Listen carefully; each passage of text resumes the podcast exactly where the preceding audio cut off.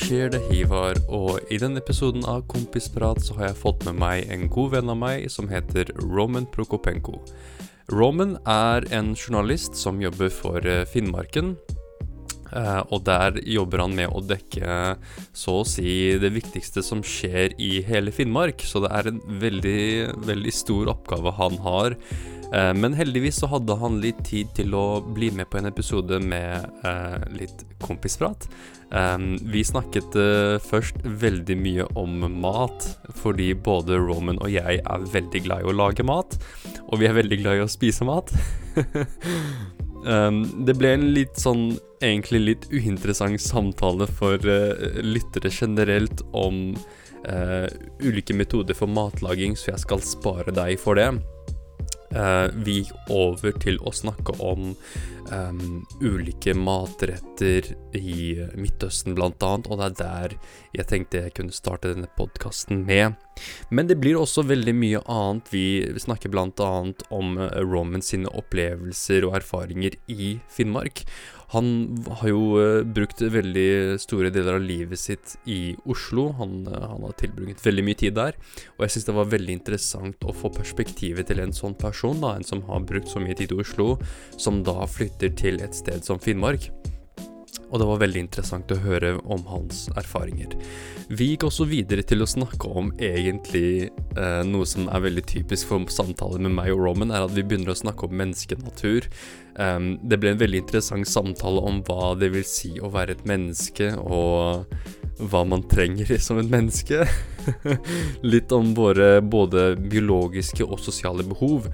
Uh, men jeg må advare om at hvis du er en sånn uh, en, en uh, naturvitenskapsperson, hvis du kan mye om biologi og selv hvis du er en sosialantropolog, så tror jeg nok du kommer til å få litt hodepine av hvor simplistisk vi gjør mye av det vi snakker om her, men det er litt av moroa, er når folk som egentlig ikke vet så mye om et tema, tør å snakke om det temaet. Noe som vi også diskuterer litt uh, i denne episoden med tanke på uh, anmeldere og kritikere. Så det blir en veldig interessant samtale. Jeg håper du koser deg masse. Så nå, her har du Roman Prokopenko. Nei, men Det er jeg liker med å være fra Midtøsten, er at du er basically i midten. så du får liksom both of both worlds. Fordi jeg, jeg legger merke til at mange er sånn her, enten er du riskultur eller brødkultur. Enten er du tomatkultur eller potetkultur. Men det jeg liker med, fra Midtøsten, er at de tenker ah, jeg liker maten din, jeg liker maten din også. Fuck it, gi meg den. Det, ja, ja, og, og i tillegg, de ligger i på en måte et område hvor ja. de fra alle kanter blir liksom mm. uh, får, får, inspirasjon. Veldig sant. Og Ja, det, det, det jeg, jeg, jeg, er veldig fascinert av egentlig akkurat den delen av verden, fordi ja. jeg ser liksom hvor mye paralleller det er mellom mat som, som dere mm. har, og f.eks. Ja. vi i Russland, som, som vi har, som vi har på en måte fått via Usbekistan og sånne ting. da. Eksempel pilau, eller hva, pilaf? Hva, hva, pilaf? Hva, er det, ja, hva er det dere sier? Pilau, pilau, pilaf? Du, jeg, jeg er, er usikker. Det er en indisk rett, det er en iransk rett, det er uh, sikkert en kurdisk rett. Å, oh, du mener biryani? Det, det, det ser akkurat ut som biryani. Nei, pilaf. Det er ganske likt, men det er jo en Det, det heter noe annet, da. Lamp, Men pilaf og, vi, ja. vi, fikk det via Uzbek, fordi de har sin egen versjon i Usbekistan. Ja. Og det er en veldig vanlig rett i, i, Russland. Uh, vi, vi, kaller ah. det plov. Plov. Plov. Ja. Plov. Ja, ja. Så det er ja, Heftig. uh, men, men for, eksempel, for eksempel det. Eller så har vi noe som heter manti. Manti, Mantikorn. Tegneserien min. Kjøp den, folkens. Represent, represent. Kjøp den på Outland. ja. Nei, men uh, Manti, det, det, kommer jo fra den tyrkiske uh, Mantu. Du, du, vet hva Mantu er, ikke sant? Nei, faktisk ikke. Det er kjøtt innbakt i Eller, eller um, Er det sånn dumplings? Det, det, er store dumplings, ja. Basically. Ah. Men, men, du uh, Man lager dem oppå hva heter det? Uh, ja, jeg skjønner vi har, vi har man, man, steamer dem, da. Riktig. ok. Ikke, ah. ikke Ja. Ja, vi har en sånn type kurdisk rett, men de kokes i, i suppen. Mm. Uh, og de, de, det er veldig interessant måten det er på. Og det er de rettene som jeg alltid tenker jam. Ja, men, men, for eksempel det. Der ser du liksom den asiatiske delen, da. Fordi ja. det, det, ja. Alt det, det, som har med dumplings å gjøre, det, det forbinder jeg med Kina, liksom. Jeg også. Men det gir mening, da. Er, ja. de, de, har jo Men det, det er det jeg elsker, er den utvekslingen av eh, Og, og du Ja. kan bare se for deg hvordan det har skjedd gjennom tusenvis av år. Sant? Folk som reiser fram og tilbake, som folk deler grensene og, Ja. og ja, alt det der. Og, og deler kulturen sin med hverandre. Men det, det skulle jeg ønske det var, eh, at det var mer vanlig uh, i, i dag også. Fordi nå er det det som, det som allerede er her, blir ansett som ja, det er det normale, men det er fortsatt så mange kulturer som Norge ikke har vært uh, Ikke har hatt den der, det, det forholdet med, da. Uh, la oss si Syria. Sånn, nå, nå har vi endelig fått mange syriske innvandrere i de siste ti årene. Endelig. Hvis du snakker med Per Arne fra, Fra livets harde skole. fra Livets harde skole på Facebook. Altså. Jeg kjenner fetteren hans, faktisk. Eh, han fra livets knallharde skole. han studerte videre, da. Han tok et ekstra semester Ja, på, tok ekstra semester. på Livets knallharde skole. Han kom videre, men han, han studerte hardt. Uh, nei, men jeg, jeg, legit, fordi jeg, jeg husker for et par år siden Jeg tror det var på Vippa, og jeg tror den er her fortsatt. For sist gang jeg var Ja, der dude, jeg vet hva du snakker om. Ja. Den uh, Syrere, ja, Var ikke vi der sammen? Og du klagde Jo. på at det var for dyrt? Det var jævlig dyrt, og det var altfor smått. Men Ja. jeg tok en bit, jeg holdt kjeft. Men ja, ikke sant, det smakte jævlig godt. Men også, det, det er liksom den plassen det Vippa er. Det er hipsterplass. Ja, ja, sant? Det er ikke, det er ikke your mom and pop uh, kebabsjappa, liksom. Det, det er for turister og fuckings hipstere. Nei, men det er, det er en, fordi når du begynner sånn da, at det liksom er en type eksotisk, ikke eksotisk, men en type sånn luksusvare, den, de ingrediensene de bruker, den metoden de lager det på, det kommer bare til å spre seg. For jeg garanterer at mange av de som jobber der, kommer til å Fuck it, la meg åpne en egen butikk. Så når jeg ser alle disse random ass folka som ikke engang vet hva kebab er, lager kebab, fuck it, hvorfor kan ikke jeg lage det? Og det er nettopp den type holdning som Nå, nå nå er det kanskje litt stereotypiske, men jeg tror den finner sted hyppigere blant innvandrere. Fordi de har den derre entreprenørheten. Hustle uh, Ja. Hustle culture. Nei, men det er jo det. Og det er det vi trenger. I, i, fordi når vi snakker om at å, vi må støtte småbedrifter og bla, bla, bla, alle disse konservative folka, som også vil stenge ute disse folka som kommer hit for å starte små bedrifter. Sånn, du finner ikke en bedre skattebetaler enn den hustleren som jobber ræva av seg Mm. for å, for å fôre familien sin. Eh, og det er én ting, at vi tjener skatt på det. Så det er jo bare bra. Men det andre er kulturell berikelse. Og jeg vet at veldig mange er sånn Nei, det er jo det er jo ikke det. Men det er jo det. Har du smakt syrisk uh, kebab, bro? Har du smakt disse uh. girusene de lager? Det er liksom next level, bro. Og libanesere sånn Og libanesisk mat er noe av det beste, bro. Ja, Sånn, sånn there i, you go. i, I London, da, da jeg bodde der, Ja. bodde ved siden av en libanesisk restaurant. Mm. Altså, det er liksom i, Igjen, vi snakker om, vi snakker om liksom deling av matkultur. Men akkurat den maten som de har, da, Mm. den er veldig lik alle de andre på en måte plassene i det, akkurat den, den regionen der, da. Den, den delen av Midtøsten. Så Israel og Palestina og Syria, sant. Det, det er veldig Mm. Ja. mye homos og uh, No homos. Sorry. og, oh, shit, jeg glemte navnet på den, men, men liksom alle de siderettene. Og, Ja, og, sant. ehm, Eh, Sylta grønnsaker vil jeg også si. Det, Det- er også noe som er uh, spesifikt. Og, og den derre eh, Du vet uh, Når du ruller noe greier i en sånn vine Dolma. liksom. Dolma. Ja, den. Uff, Prach. det er så I godt, prach. altså. Ja. Det er, det er, åh, det er for, til den dag i dag Nå er jeg 26 år. Sånn, fra første gang jeg spiste dolma til den dag i dag, det er alltid en type matrett som gir meg sånn derre Jeg begynner å sikle nesten. Det er sånn, ah, bare smaken, Tanken av smaken får meg til å sikle som en bikkje. By the way, by the way. En ting Ja. som gjør meg tristere enn en motherfucker, Ja. det er Det fins ikke um, i, I hvert fall ikke som jeg har funnet i, i Norge. Mm. Uh, en plass som tilbyr bra Altså den type mat på, på, en, Ja. på en bra måte. Som hummus. Og hummus er Ja. jævlig fuckings lett å lage, egentlig. Men hver gang du kjøper hummus et sted, det er sånn der Ja, What the fuck det is er, this? eh? Det er, ikke, det er ikke det samme. Hva er dette for noe? Det er laget, det er laget uten svette, uten hår. uten tårer etter en krangel med familien. det, liksom, det mangler så mye som uh, autentisk hummus vanligvis har. Ja, men jeg vet ikke hva, jeg vet ikke hva det mangler, men det skal, det skal ikke være så vanskelig. Det er litt tidskrevende og litt Hvis du skal lage det hjemme, da. Du trenger Ja. litt sånn utstyr og Ingredienser bla, bla. Altså, ingredienser, det, det er ikke det som er problemet. Ja, men det. det, det tar litt tid, rett og slett. Men hvis du er en restaurant, liksom, du, du har alt det utstyret. Du kan Ja. lage store batches av det, liksom. Nettopp. Og hva, hva, hva er problemet? Hvordan kan dere fucke opp homos, liksom? Jeg veit. Jeg tror det handler om at mangel på forståelse, nettopp fordi uh, vi trenger mer israelere. Vi trenger mer folk fra Midtøsten som Kontroversielt, altså. Tenkte ikke over det.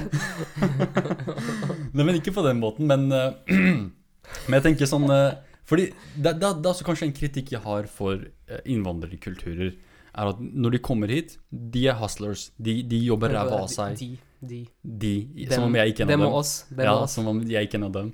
Uh, I hvert fall, vi kommer hit. vi jobber ræva av oss. Men når vi får barn, vi sier å, du, du kan ikke jobbe i restaurant, er du fucked? Du skal bli lege, du skal bli advokat. Ingeniør. Ikke sant, ingeniør.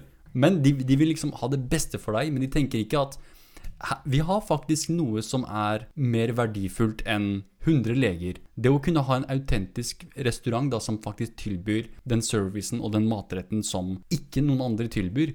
Det er basic capitalism, baby. Du kommer til å bli fuckings rik på det. Mer sånn en lege som jobber alle de skiftene de Tenk deg de, den arbeidsmengden leger går gjennom. Være lege er fucked. Det Selv sykepleier. Oh my god. Det er liksom, det er, det er for mye arbeid. Jeg kan, jeg kan ikke tenke meg å, å jobbe i, i, i helsevesenet. Respekt for de som klarer det, det er- men uh... det høres ut som et mareritt, altså. Og leger, spesielt leger, fordi de har det overordna ansvaret. sant? Du kan havne i trøbbel hvis ikke du gjør jobben din uh, godt nok. sant? Mm. Tenk uh, der du jobber nå, sant? Og du har en litt dårlig periode. mhm. Det har ikke ingen konsekvenser, egentlig. Det er sånn, Du kan kanskje få litt tilsnakk av sjefene og si sånn Hei, eh, du har ikke vært den beste liksom, læreren i det siste. Ja. Du, må, du må ta deg litt sammen, ikke sant? Ja. Leger, hvis de er i en dårlig periode, de kan, de kan miste jobben, de kan miste karrieren sin. Hvis de gjør tabber og feildiagnoserer folk eller andre ting, da. Det kan gå ut over liksom resten av karrieren, og det, dette er noe som du har brukt syv år på å bli. Og kanskje enda lenger. Sånn hvis du har gått spesialisering osv. Det der jeg, jeg kjenner flere folk som er leger, og de, de er de mest stressa folkene som, som er der ute, liksom. De, de får aldri fred. Det, Men er de rike? De er de, de Ja. ja Men det er nettopp det. det, det, er en mil i året, liksom. Altså Ja. som, som er veldig vanlig, da. Og Jo da. hvis du blir en spesialist og eventuelt gjør sånn ekstra Hmm. uh, ting, da, så kan du Ja, du kan bli ganske rik på det. Men igjen, når vi kommer tilbake til det her med måten innvandrere glorifiserer det yrket, og de tenker ikke på det stressnivået, og de tenker ikke at uh, oi, kanskje barnet mitt ikke bør. Ha en sånn livsstil der hvor de må stresse hele tiden bare for at de skal bli rike. Sånn er, er virkelig penger det, det viktigste. Når det kommer til hvilket som helst yrker, og når du tenker på hva motivasjonen er til folk for å oppsøke de yrkene, leger f.eks. Jeg vil ikke at det skal være å, fordi du, du får en bil i lønn. At det er det som Ja, men- gjør deg til lege. Jeg tror, ikke, jeg tror ikke det er bare snakk om pengene. Jeg Mhm. tror det er snakk om stabilitet og mm. at liksom trygghet, ikke sant. Det, Ja. Fordi det er et yrke som alltid kommer til å bli etterspurt.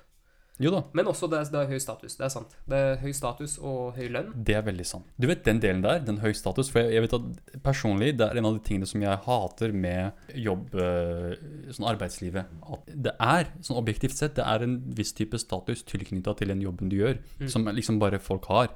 Spesielt blant innvandrere så er det utrolig viktig. Det å ha en, ha en status som er skikkelig sånn imponerende, sånn at du kan gå til kompisen din og si ja, sønnen min han er fuckings lege, hva faen gjør sønnen din? Sånn indirekte da, du sier ikke det, hva faen er sønnen din, men det er basically det du sier. Hva faen er sønnen Ja, ikke sant? Sønnen min er lege, han gjør det der og det der. Ja, sønnen min han er sånn og sånn. Hva gjør sønnen din? Sønnen- min er en klovn. Ja, men nettopp. Ja, men, Men det, det er en ting, by the way, som komikere i USA, for eksempel, eh, som, som har opphav fra, la oss si, India eller Pakistan eller noe sånt. Ja. Alle de snakker jo konstant om liksom hva foreldrene sa om det valget å bli komiker, ikke sant? Å ja. Det var jo alltid det sånn wow. You Hva going to be a fucking clown? sånn type. Ja, det, ja. akkurat det. Og liksom hva slags karriere er det? Og, og det, det er jo sant. Det er jo sant. Det er, ingen, det, er det motsatte av stabilitet og trygghet. sant? Det er jo det, ja. Men ja, det er veldig fascinerende. altså. Det er veldig fascinerende. Nei, men hvis, hvis jeg tenker på et uh, amerikansk samfunn, ja, det er, det er veldig lite stabilt. Men jeg tror i Norge, når det kommer til all slags type kunst Jeg tror hvis du er flink nok, og hvis du virkelig brenner for det du gjør Det kan være en viss stabilitet i nettopp det. I din lidenskap på en måte være det som gir deg stabilitet innenfor det yrket. Men hvis du er liksom sånn derre Jeg bryr meg egentlig ikke. eh, Og ikke har den der lidenskapen til å faktisk bli en flink komiker. da Hvis du bare er komiker fordi du tenker det er, liksom, det er noe greit å gjøre på lørdagene, så tror jeg det kanskje blir litt vanskeligere. Men hvis du anser det som din som det, er din, det er kjernen i, i, livet ditt er komedie, da tror jeg det, kanskje det er mer sannsynlig. Nå, nå har ikke jeg noen komikere venner, så jeg, jeg, kan ikke relatere til hvordan de har opplevd uh, sin reise. Men i forhold til kunst, da, for meg så har det vært det som har avgjort min egen suksess i det jeg prøver på. er at hver gang Hvis jeg gjør noe half-assed, hvor jeg bare sånn, gjør det på sånn halvveis, mm -hmm. så kommer jeg ingen vei med det. Jeg kommer ingen, absolutt ingen vei med det. Men hver gang jeg har jobba ræva av meg og virkelig gitt alt jeg har, og putta sjela mi i det, så har det endt opp godt. Så har det alltid liksom leda til noe, noe, bra. For jeg, jeg, tror folk kan føle det nesten noen ganger, hvis du virkelig brenner oh, ja. for det du gjør. Definitivt. Og det, det er det jeg syns er synd med når, når, foreldre da pusher et yrke på barna sine. Sier du skal bli lege. Mm. Greit, du blir lege, men brenner du for det? Er det det du vil bli? Er det det du vil gjøre? Det er så sant. Det er så ja. jævlig sant. Uh, en kompis av meg, ja. veldig god kompis av meg, som har indiske foreldre uh, Hele familien hans uh, er leger. Begge oh. foreldrene. Sto, storebroren hans. Mm. Han gikk uh, medisinstudier i Polen, sant. Og så ble han lege da i 2016. Han ble ferdig med studiene sine mm. og gjorde liksom sin turnus et eller annet sted i, på Vestlandet. Okay. Uh, så, så, han har jobba litt på syke... Men til slutt så endte han opp med mer å bli en forsker, da. Eller en, en sånn, sånn han satt først på kontoret og liksom fikk inn caser som han skulle løse, og hjelpe andre leger, ikke sant. Ja. Uh, og så jobba han som en sjømannlege. Wow, han ga ut såpass. attester til fiskere, blant annet. Som helseattester som sier at de kan, de kan dra ut på sjøen i flere måneder i strekk. sant? Ja. Så han hadde den jobben. Nå har han blitt en sånn ph.d.-kandidat. da.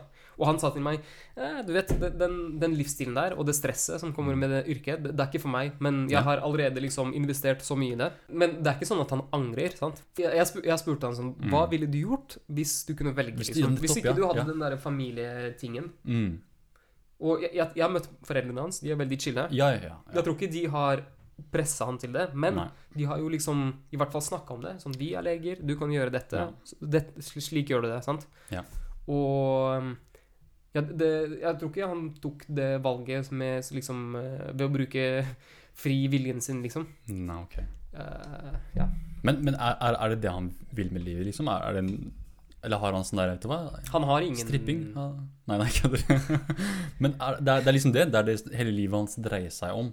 Nettopp fordi det på en måte er det han har vokst opp i, det er det han kjenner. Det er den, det er den, det er den suksessstoryen han har sett og hørt så mange ganger at han tenker Selvfølgelig. Det er, det er sånn du, du får en viss stabilitet i livet, kanskje. Ja, ja, men, men altså jeg, jeg, tror han, han, er en sånn person som kanskje ikke har et drømmeyrke. Men Nettopp. jeg tror det er fordi han aldri har prøvd å drømme, hvis du skjønner. Ja. Fordi han hadde alltid en sånn vei å gå, da. Sant? Så ja. han, han, visste alltid at han skulle bli lege. Så han, han tenkte aldri på oh, hva, hva, er det jeg egentlig vil? Ja. Så nå det, det er egentlig for seint for en som han å velge liksom oh, Hva kunne jeg gjort hvis jeg skulle følge min uh, lidenskap?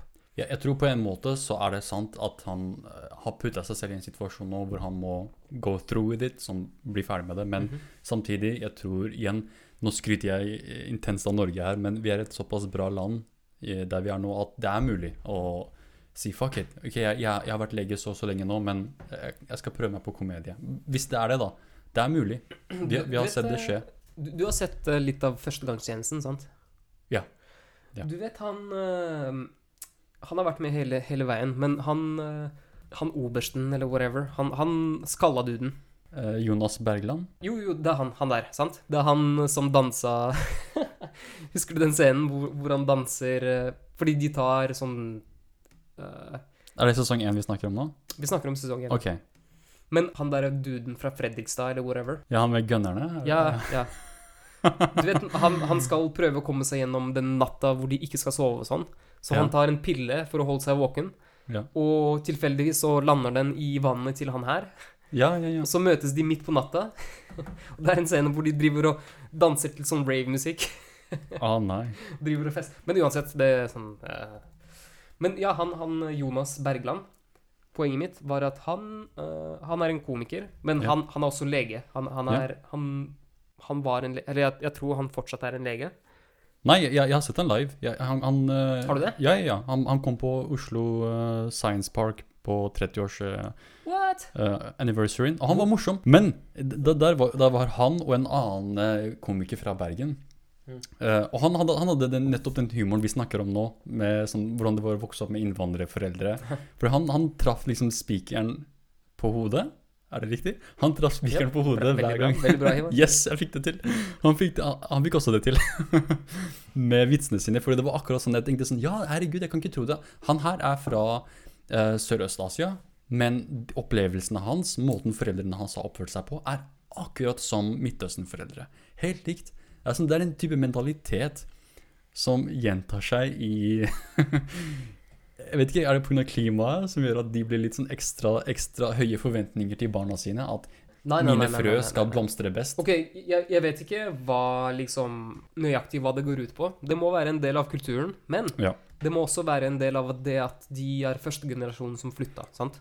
Ja. Så de tenker at de har gjort liksom De har ofra livet sitt, basically, for at du, Mm. du, din, den neste andre andre Ja. generasjonen, skal få det til. Fordi Ja. de ofra Altså, det, det er jævlig trist og litt stygt å si det, Mm. nesten, men når du hører innvandrerforeldre Mm. De snakker som barn, ikke sant, når de snakker norsk. ja. Fordi de har aksenter, de Mm. har ufullstendig kunnskap. De har kunnskap. basically De- de- grammatikken til førstespråket sitt med norsk språk. Det, det jeg hater mest, det argumentet jeg hater mest, Ja. når folk sier sånn derre Hvorfor faen lærer- du ikke språket? Liksom, Ja. Det er det ene Gå på skole ja, etter du, jobb. har en, du har bare én jobb Ja. når du flytter et sted Ja. og lærer seg språket. Men det er ikke sånn det funker. ass. Det, Ja. når, du, når du flytter til et annet land i en voksen alder, Mm. hjernen den er ikke mottagelig lenger til, til å lære et, et, språk. Et språk, bro. Et språk. Ikke, en, ikke en skill, et språk. Og det, det, det bare går Det er veldig få folk. Det er folk som gjerne har sånn språklige talenter, da. Sånn folk som er flinke, folk. Ja. som har bra gehør. De, de, de har et, et språkøre, som man kaller det. Ja, sant? De, de kan få det til. De kan få det til. Ja. Men de aller, aller fleste, de blir aldri kvitt for det, for det første aksenten sin, Mhm. men også det å lære et helt Altså et språk som er så forskjellig som fra det språket som de, som de har som morsmål. Ja. Det, det, det går bare ikke, liksom. Fordi Nei, men- man, et språk, det påvirker måten du tenker på. Det er ikke bare, Absolutt, det, det er ikke bare en Men det Nei, har veldig mye å si med hvordan du faktisk tenker i hodet Ja. ditt. Veldig sant. Og ja, så, så, så jeg har sett det på min egen mor. Altså, hun prøvde. Hun prøvde, men det, det er bare et Hun kommer opp til et visst nivå, og det beveger seg bare ikke liksom lenger. Det beveger Ja. seg ikke. Og det er veldig trist, fordi når eksempel, la oss si en nordmann Mm. Prøver å snakke med henne og tenker bare sånn hør, Hun høres som, som, en, som et barn, liksom. Og, Ja. og jeg vet, fordi jeg, jeg snakker med, med henne på russisk, jeg vet Mm. hvor det, det En av styrkene hennes er uh, språk, og, og hun har en veldig rikt vokabulær på russisk, ikke sant? Nettopp. Og hun er en Ja. forfatter selv på, på Ja. russisk. Så altså, jeg vet hvor, hvor, hvor smart hun, hun er, Mhm. men det, det kommer aldri gjennom i, I norsken. når hun snakker norsk. Det, er- det er så det, det trist. Er, det Holy shit. jæv- og, og det var hele poenget mitt. At Ja. når første generasjon flytter, de, de um, mister en slags status da, i, i det nye samfunnet. Mm. Fordi de blir sett på, på den måten, da, blant annet. På den måten. Uh, de får seg aldri en bra jobb, som regel. Som regel. Um, de har ofra veldig mye sant, for Ja. at du skal eh, ha et bedre liv. Og da, da er det forventa at du skal liksom gjøre det, mest, det, det beste ut av det. ut av mulighetene du har. Ja. Sånn, men men eh, nå, nå prøver jeg å se på det litt fra begge sider her, men det blir på en måte som å leve gjennom barna dine. Jeg, jeg, jeg, Alle gjør det. Alle gjør det. ja, men jeg, ser liksom verdien av det, at du vil at barna dine skal ha det bra, men samtidig tenker jeg, du er jo et menneske du òg. Sånn, så, så, sånn som med faren min, han jobber ræva av seg, bro. Han, han tenker liksom, så lenge barna mine har det greit, det går bra, og han, han liksom, han, han lar seg selv uh, Ja, han sliter seg selv ut, da. Jeg tenker også noen ganger, jeg sier til han også, jeg bare, men hva med deg? Når, når skal du på ferie? Når skal du slappe av? Kom an, mann, du må, du må jo nyte livet sjæl. Du, er- du er her nå. Du er ikke her liksom Ok, du dør, og så plutselig respawner du. Det er ikke noe respawning, bro. Det er Det, one det, shot. vet ikke, det vet ikke du, ok? Du, du vet ikke at man ikke respawner. Nei, men uansett om man respawner eller ikke, du respawner ikke med, med prior knowledge av hvor alle items og hidden, hidden rooms er. Sånn, du, du må finne det ut på egen hånd igjen. Så jeg tenker all den kunnskapen, all den rikdommen, all den, den visdommen, den går litt tapt. Sånn, den, den bare forsvinner ut i Mm. oblivion. Uh, nettopp fordi de, de aldri tok den derre Den der, Hva med meg? La meg ha det litt gøy. Men, men det er sånn, nå, nå overdriver jeg kanskje litt, for jeg tror ikke det er sånn at innvandrerforeldre har det så fælt. Jeg tror de har det litt gøy også. Ja. Nei, men jeg, jeg, ærlig talt, jeg vet ikke. Fordi det, det, det er sånn når- jeg ser del, et sånt liv, sant? Ja. Jeg, jeg tenker Jeg er sånn typisk millennial, bare sånn Wow, jeg kunne aldri ha gjort det. Liksom Jeg, jeg, er bokstavelig talt det, det motsatte av det der. Jeg er Ja. så egoistisk og fokusert på meg selv. Og jeg er sånn Nei, jeg skal ha det, skal ha det best mulig, og liksom ja, ja, ja. Eh, jeg skal ha det chill Mest, mest mulig chill liksom i Mm. livet mitt. Uh, jeg, kunne, jeg, jeg tror jeg aldri kunne ha jobbet så hardt for mitt barn. Liksom, what? Ah, og, og by the way, det er også grunnen til at jeg på en måte ikke vet om jeg vil ha barn, er fordi jeg vet at det, det er det som kreves. Sant? Du, ja. plutselig blir prioriteringene dine i livet helt, helt, ja. eh, Det er livet ditt etter det. helt andre. Ja. Og jeg vet ikke om jeg har lyst på det, sant? I hvert fall ikke nå, men Ja. sånn Jeg vet ikke om jeg noensinne kommer til å gidde det, liksom. Ja. Men samtidig så er det litt trist, ikke sant? Liksom Når du blir sånn 50-60 og er barnløs og bare sånn Helt ah, alene. ah, I fucked up. Men det er ikke bare det å være Men- alene, men det å etterlate deg noe. På det tidspunktet Reise til utlandet, skaffe Ja. deg en kone. Get, get bitches, get money. Som en fuckings gammel mann. Som en Eh, gammel Ja. Ja. Nei, men det er sikkert mulig, det. Vi ser jo sånne folk i uh, Oslos gater. som Ikke bare Oslo. holder på å daue, men likevel liksom lever livet. For, nettopp fordi de tenker 'fuck it, det er mitt liv'. Og jeg setter pris på det. Jeg, jeg blir alltid glad. Jeg blir alltid, Uansett hvem det er. Hvis jeg ser en person som nyter livet sitt, jeg blir aldri sånn der oh, fuck you, hvorfor, hvorfor har du det godt?' Jeg tenker alltid 'God bless'. Fuckings bra, nice! En som, en som nyter livet. Fordi det er så mye av det motsatte, hvor folk hater livet, de er Mm. deprimerte, det er liksom, de går rundt med en skygge over seg. Jeg elsker, jeg elsker å se veldig sånn utradisjonelle gamlinger, hvis du skjønner hva jeg mener. Ja, Sånn, nettopp, sånn det gamle menn som av, av en eller annen grunn kler seg som i veldig fargerike klær og sånn. Går rundt i sånn fashionable Bøhler. Bare sånn Wow, shit, se på deg, du ser ut som Liberace, liksom. Hvem, hvem, hvem er du? Han Og de, de går rundt og liksom har det, har det gøy, liksom. Og Ja da, ja. De, de er ikke helt standardmennesker, sant. Og det, det er liksom min største frykt er å bli sånn, da. Bli en, bli lyst- en NPC. Du vil ikke bli det? Du vil ikke bli en en- old Men bli en sånn gammel, bitter mann, ikke sant. Nettopp. Hvem, hvem Ja. faen vil det? Ingen Ja. vil, vil bli det, men folk blir det uten at de merker det. Ja. Så Nei, men det er det som, det, akkurat det, det som gjør at jeg blir glad på deres vegne når jeg ser gamle gubber som ikke er gretne, men heller glade. Eller folk generelt, når de er glad. Det er sånn Ja, men- God bless. Ikke sant? Og, og du tenker sånn Oh my god, uh, jeg kommer aldri til å tillate meg selv å bli det. Men jeg tror ikke Ja. du merker det, at du Nei. blir en sånn person. Fordi nå kan, vi, nå kan vi bevege oss litt til, til Finnmark. Men jeg Mm. husker i, i høst Ja. var, vi, vi har en, en pub, sant? Vi har en pub. Vi har en, uh, en uteplass, altså sånn ja. med, med dansegulv og sånn, da. Ja. uh, som heter Ritz her i Kirkenes. Og jeg, jeg pleier å gå på puben, fordi liksom Ritz er for, for youngbloods. Så jeg var en kveld på puben. Det var eh, Jeg tror det var en uke etter at eh, kompisen min var på besøk. Mhm. Og da han var på besøk, så var vi på puben jeg, jeg, jeg tror det var en av de første gangene jeg dro dit. Fordi før det så, så var jeg ikke ute, ute her i det hele tatt. Vi, vi begynte å, å dra dit eh, den helga han, han var på besøk. Mm. Og det var ganske gøy. Jeg møtte masse folk. Masse folk som jeg hadde møtt før, osv. Fordi det er en veldig liten by.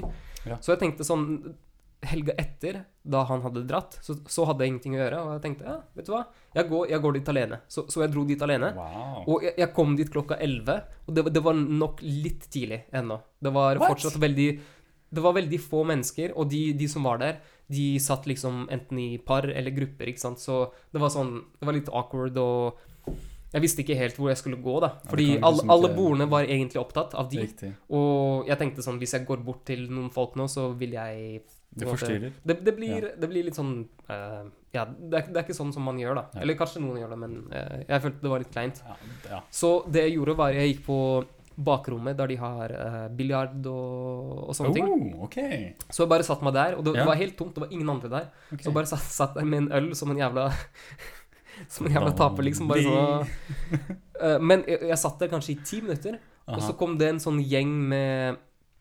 russisktalende arbeidere inn, ikke sant? Ja. De kommer inn, inn på det samme spillrommet, setter seg ved et bord, Mm. og jeg bare sånn vet du hva, jeg går og prater med dem. Ja. Så jeg endte opp med å henge med de sånn halve kvelden. Det viste seg de var latterviske håndverkere okay. som eh, De, de, lever et helt vilt liv, forresten. De, de, de, de busser hit fra Latvia. Aha. Tenk deg hvor lang tid det tar, liksom. De busser hit, og de bor her kanskje to-tre uker om gangen.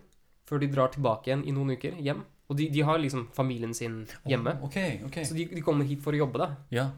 Um, så, så jeg snakka en, en del med dem, og de, de viste, viste, viste seg å være veldig sånn stereotypisk eh, Du vet, sånn arbeidere som bare sånn skikkelig sånn Skikkelig sånn grove og bare banner hele tiden og litt sånn Men, men veldig, veldig sånn interessant å være med de. Jeg, jeg, jeg likte Ja. spesielt én. Det var sånn de, de andre likte jeg ikke noe spesielt godt. Um, fordi de ble skikkelig fulle, og to av dem ble etter hvert kasta ut. Ho! Ja, de, ble kastet, de, de tok seg en røyk, og så kom de seg aldri inn igjen og begynte å true dørvakta, og purken ble tilkalt og sånn. Ja, ja. Kollegaen min hadde helgevakt, og han hadde skrevet om dem oh, uh, i avisa. Fordi de ble bortvist. Men anyways, uh, Ja. han ene der, som jeg likte, da, han, han var sånn skikkelig sånn uh, Du vet, working class philosopher. Mm. Ja, ja. Men det er mange av de. Han, han så på meg, han så på meg, og det, det er hele poenget mitt. Han, han så på meg på et tidspunkt. Og som sagt, dette var i høst, hvor jeg fortsatt var litt sånn langt nede med sånn shit som hadde skjedd i livet Ja, og sånn. ja.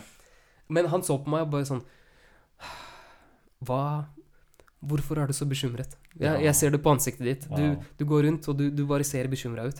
Jeg bare sånn Wow! Du, du kan se det på ansiktet mitt. Jeg, jeg prøver faktisk å kose meg her. Jeg, jeg er på en pub, liksom. Eh, men han, han så rett gjennom det, og, og da, da tenkte jeg wow. eh, det, det var ikke meningen engang å, å, se, å se sånn ut. Og, å være kanskje litt eh, Ikke bitter, men i hvert fall litt sånn uh, nede, da. Ja, ja. Men visse folk har, har en sånn intuisjon hvor de kan spotte Han, han var veldig flink, ass. Ja. Han var på, på akkurat det. Og bare sånn Wow, du, du er flink. Du, du, Ja. burde være en, du burde være en psykolog. Liksom. ja. Han var en skikkelig good, good shit, han der. De andre, eh, De fikk som fortjent. de fikk som, de fikk som fortjent.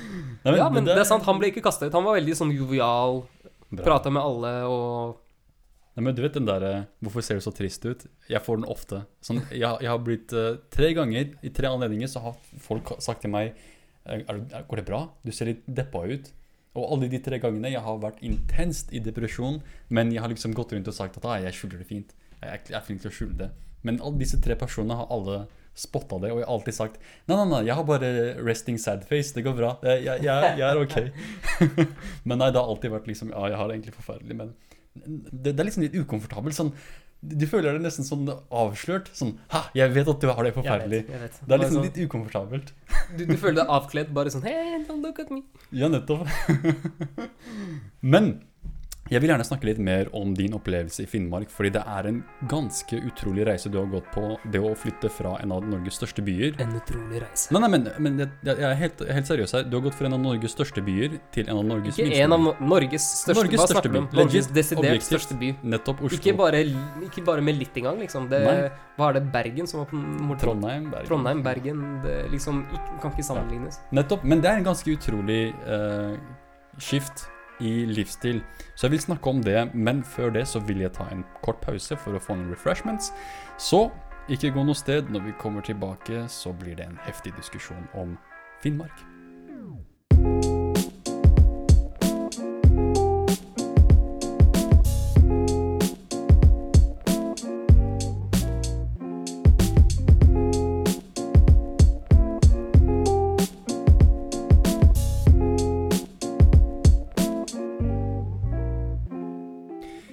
Da er vi tilbake fra pausen. Så jeg, jeg har skjønt deg ganske lenge, Roman, og du har alltid vært en av de som har vært en sånn Oslo supremacist.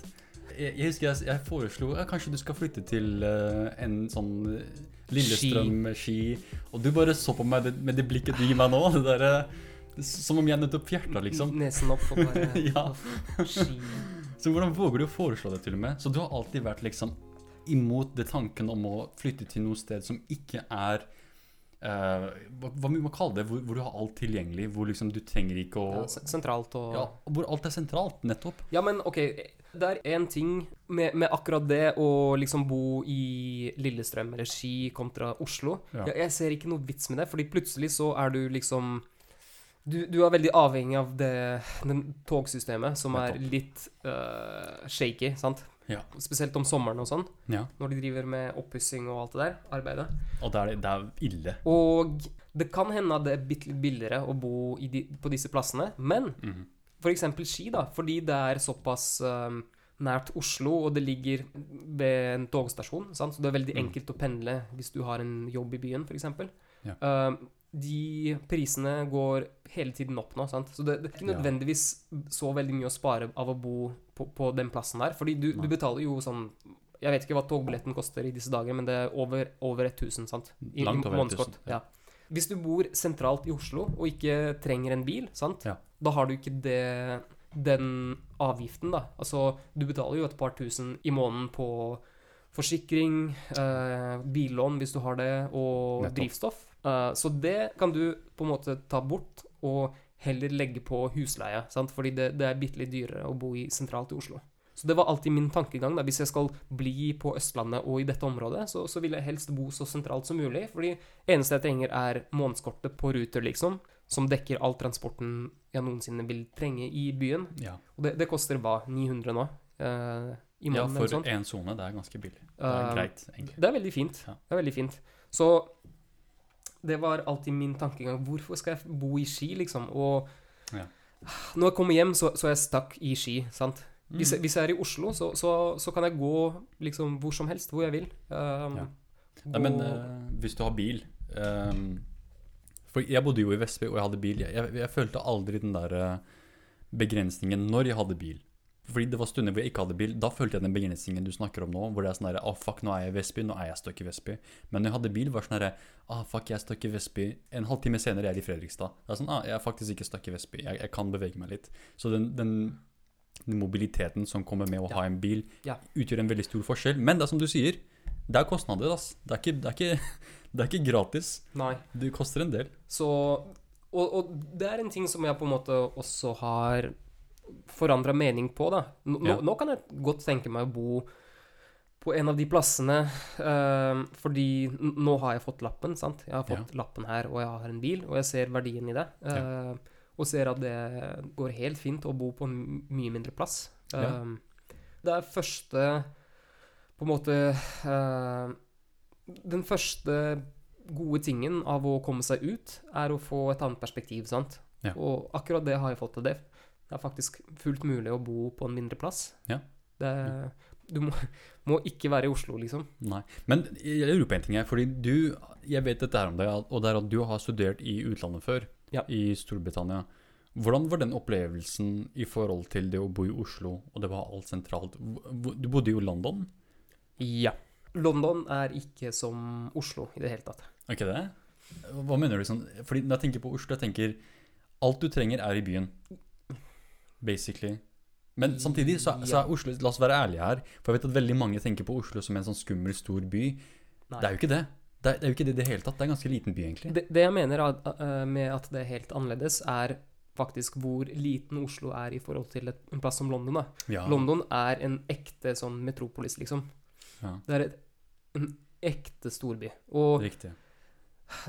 Den er litt spesiell, da, fordi Nå har jeg ikke vært i f.eks. Paris eller New York, sant? Men, Ja. så jeg kan ikke sammenligne disse plassene. Men Ja. tingen med London er at det er på en måte flere sånn småbyer som har vokst seg til en stor megaby. Ja, sant? Riktig. Så hvert område det har et lite sånn senter i, i seg selv.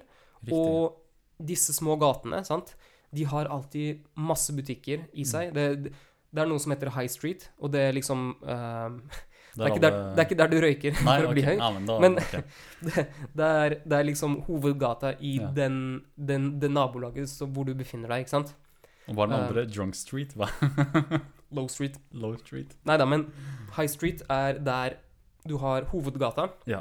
Det er som en sentrumsgate med masse butikker på hver sin side av gata. sant? Mm. Og det, det er- det er en veldig levende by på den måten. I Oslo, Riktig. Hvis du drar ut bitte litt ut av eh, selve sentrum-sentrum Ja. det, det er ikke så mye sånn uh, lokalbedrifter og butikker Ja. og sånn. Altså det litt Det begynner å bli veldig øde på, på noen plasser. Sant?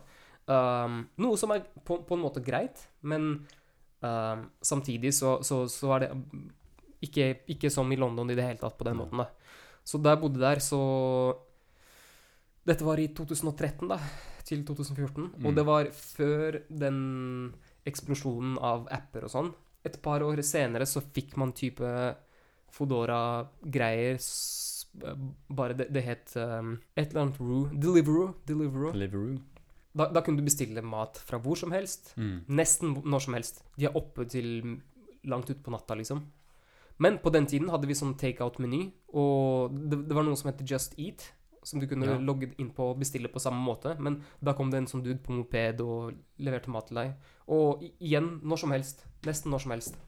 Du kunne aldri på en måte Byen stenger aldri, hvis du skjønner hva jeg mener. Ja. Nei, men eh, når jeg tenker på disse, disse storbyene Når jeg tenker på f.eks. for eksempel som Paris, da. Det er litt mer sånn Det føles endeløst. Hvis du skjønner hva jeg mener. Når du, når du ser liksom, Du går på en bygning, du ser ut, det, det føles som om det går, det går og går og går. Ja. Men det, det gjør ikke med Oslo. Du går i en høy bygning, du ser ah, der slutter Oslo, der starter Oslo. Du kan se det veldig tydelig. Men sånn, det er ikke feil å si at nå har du gått fra ja, den største byen i Norge til en av de minste byene. Uh, ja Populasjonsantall med tanke på det, det. Altså, i, i, hvert fall det er en by, da. Sant? Ja. Og det er den største byen i denne regionen. Riktig. I Øst-Finnmark, Ja. Uh, så vidt jeg vet. Ja. Men, eh, men ja, den, den er jo Det er jo rett under 10 000 innbyggere i den kommunen. Hvordan, hvordan var det for deg som har nettopp hatt den holdningen om at vet du hva, nei, Oslo eh, is the shit. Det er liksom der, der jeg skal tilbringe resten av livet mitt. Og så kommer du til Kirkenes, da. Hvordan reagerer man på det, egentlig? Det, det, hva er det første du tenker når du, når du lander her? Mm.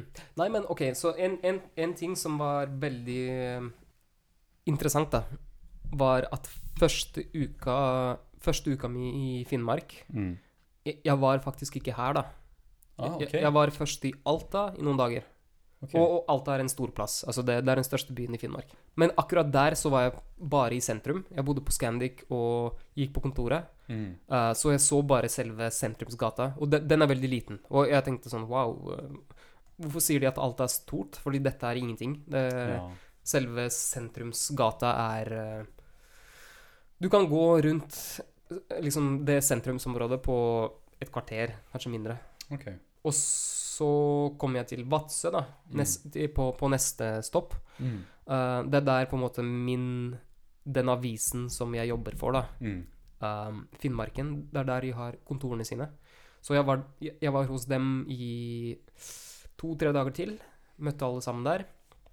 Og Vadsø, Vadsø er mye mindre enn enn Kirkenes. Bokstavelig talt. Ah. Vadsø er en veldig, veldig liten plass. Um, fortsatt ganske stor til, til å, i, i sammenligning med, med andre plasser her.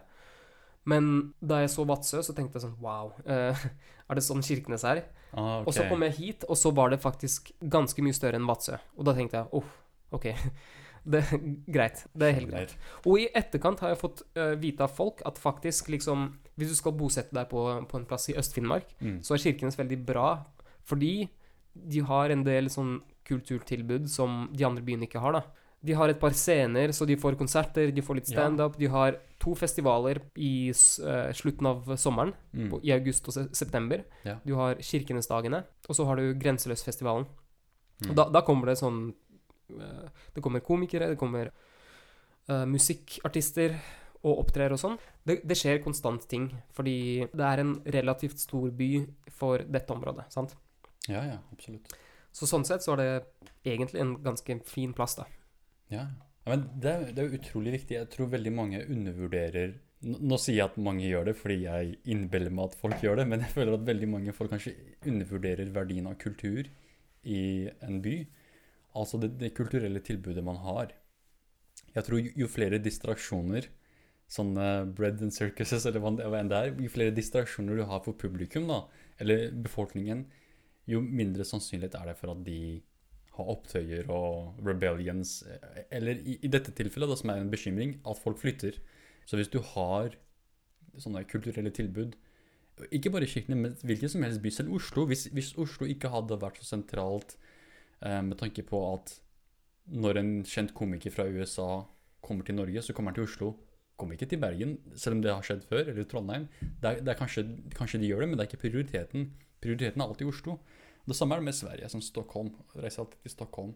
Så disse stedene, de, de på en måte, de, de leacher litt av hele Norges um, reputation. Sånn imaget Norge har med å være et sånn snørikt og veldig sånn uh, tradisjonelt og alle disse, disse tingene som vi forbinder med Norge fra et utenlandsk perspektiv, da.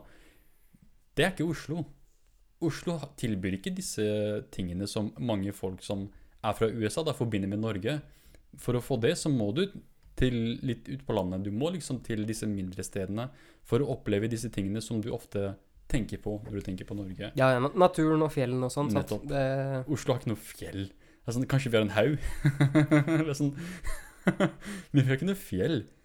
Sånn, og, og det er jo også disse, disse snørike stedene. Sånn her, at du kan stå på ski, Lillehammer og Trysil og sånt. Det er jo ikke, det er jo ikke nærheten av Oslo. Det er jo kjempelangt unna Oslo. Trysil er ikke så langt, da. Det er jo det, er det ikke det? Sånn fem, fire, fire timer? Nei. Er det ikke det? Jeg er ganske sikker på at det er en mindre enn en time, ass.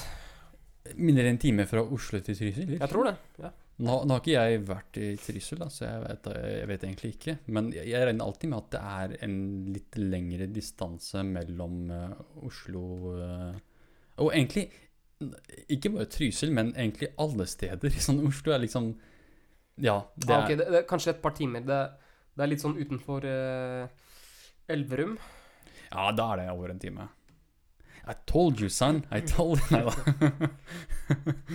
ja, med bil er det to vet ikke, og altså, to og en eh, halv time, nesten tre timer for visse ruter. Men det er nettopp det, da. Sånn, eh, la oss si Sånn som her om dagen så hørte jeg på Snoop Dogg og Joe Rogans podkast om nettopp Norge, hvor de snakket litt om Norge. Og hvordan What? det var Snakka de om Norge? Ja, ja, ja. ja. Eh, jeg tror de snakka oh, ja. om De snakka om marihuana. Ja, fordi han ble tatt, han ble tatt uh, med weed. Ah, ja Snoop, da. var det ikke det? Det var ikke det engang. Det var bare det at det faktum at han var, han var kjent for å drive med cannabis. At det i seg selv var nok eh, motivasjon for folk, for politiet da, å trakassere han, basically. Wow. Eh, og han, han klikka helt. da Han sa at Norge er den verste landet, eh, verste opplevelsen Sant ever. Nå, jeg husker det nå. Jeg husker. Ja, det, det, det var skikkelig sånn eh, flaut. Det er flaut, ja. Fordi jeg elsker Snoop. Jeg Det er så jævlig flaut. Det er ryktet vårt, liksom. Tenk deg alle disse, disse store komikerne, disse store musikerne. Men yo, husker du ASAP Rocky ble fengsla i Sverige i Gjorde han det? Husker ja, du det ikke husker det? jeg. Nå husker jeg I det. sånn flere Fordi noen nesten ungdom fucka med han. Og så snappa han og slo han tilbake. Jeg tror han slo Ja. Det var snakk om vold, men liksom Jeg husker ikke hele situasjonen der, men uh, Hva med det med Justin Bieber? Når Justin Bieber kom og disse jentene hoppa i havet og prøvde å svømme til han og greier. What? Nå overdriver jeg kanskje, men det er nettopp det. Sånn, vi har et sånn Oslo, sykt bortskjemt. Alle artistene kommer hit, og så behandler vi dem som crap. Sånn, vi fortjener det ikke. Sånn Oslo-folk vi fortjener faen ikke liksom alle disse gode artistene. Men samtidig så har du steder som Bergen, som Trondheim, Tromsø. Alle disse stedene som har disse tingene man forbinder med Norge, da, som nordlys, sånn uh, snø. Fucking snø. Selv sånne ting. Det finner du oppe i nord.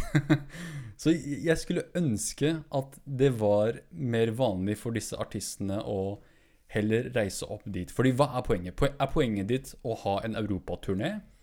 Eh, eller å selge så mange billetter som mulig? Og ja, dessverre så er det jo det siste. Å selge så mange billetter som mulig.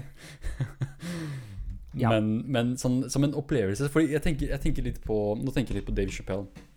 En ting han snakka om, var at før i tiden, når han hadde shows, så gikk han fra by til by, og da var han der liksom i selve dagen han hadde show. Han hadde showet sitt, og så stikker han til neste by. Men at nå, nå som han ikke er like populær og like kjent i samfunnet, da, så kan han gå til en by, være der en uke, nyte byen, og så ha showet sitt, og så være med folk han nettopp hadde show for, og så gå til en annen by. Og på en måte virkelig ta det inn, ikke sant? oppleve litt av den kulturen du er i. Og jeg føler at veldig mange sånn artister og sånn som kanskje kommer til Oslo, da, eller eh, steder i Norge, de har den der OK, jeg har show da, jeg, jeg går dit, kanskje vi har en Nei, men- afterparty.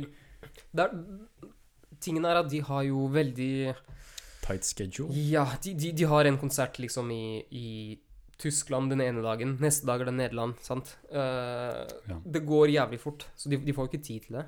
Og det, det er poenget, at du skal, du skal uh, ha minst mulig kostnader på overnattinger og alt dette her. Og mest mulig sånn Det skal være så effektivt som mulig, da. Riktig. Det er jo det som er poenget.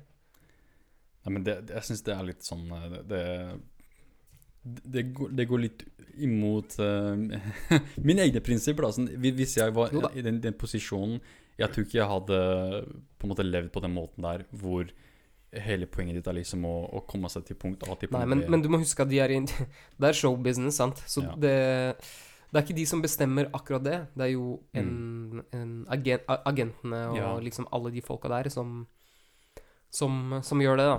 Ja. Pluss at når du legger ut på en stor turné, det er jo mm. veldig slitsomt. Ja, så du tenker bare gjør det unna så fort som mulig, så kan jeg slappe av. Nettopp. Det, det er helt annerledes. Men uh, Kirkenes i hvert fall, de har hatt en del kulturelle Ja. ja.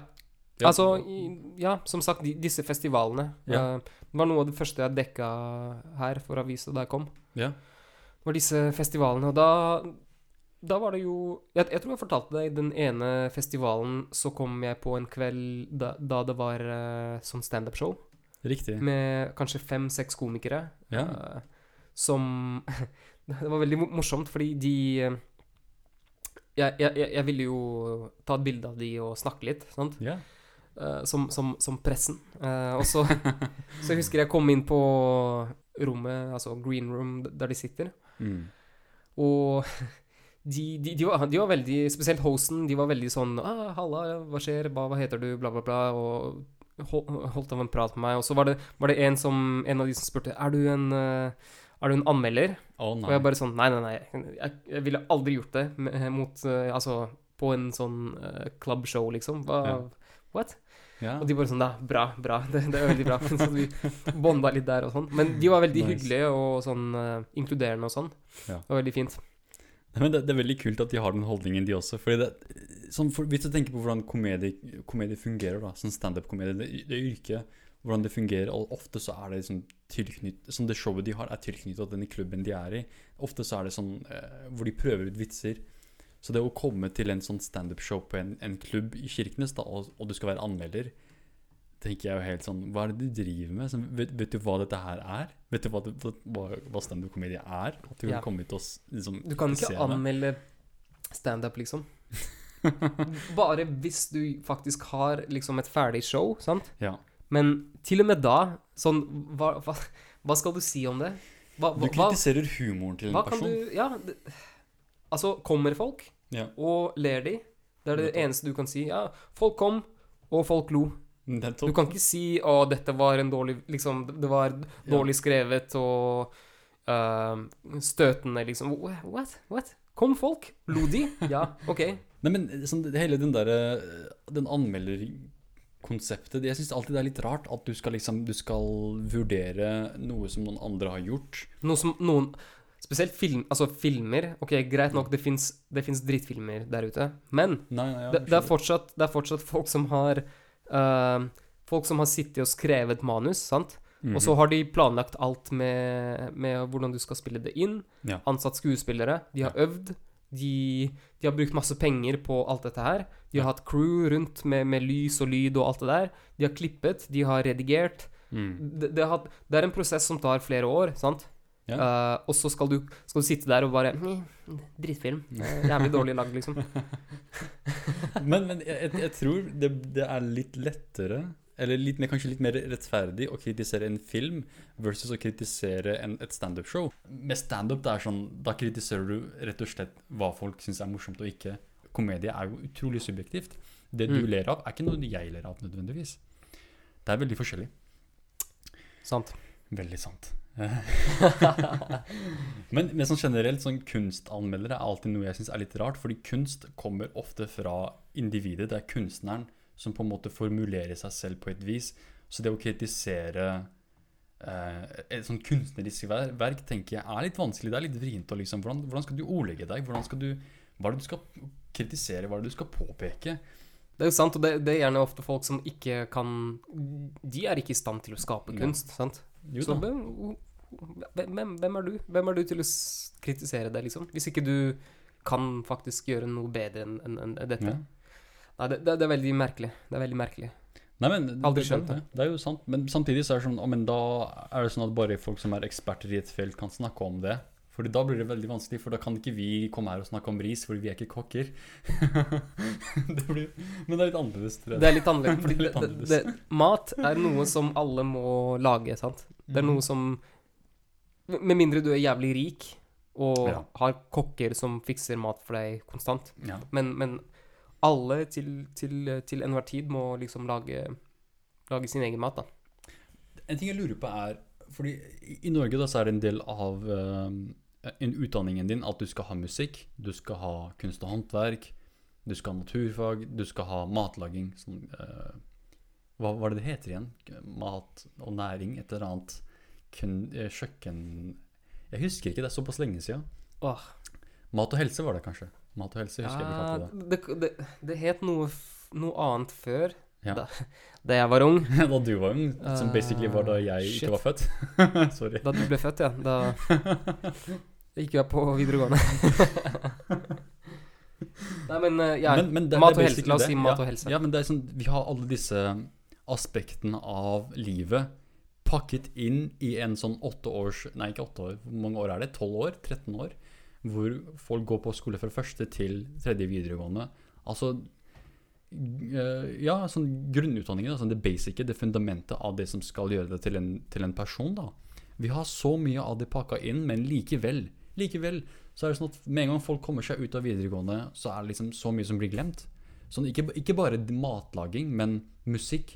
Sånn, jeg, kan, jeg kan så vidt huske noen av musikktimene.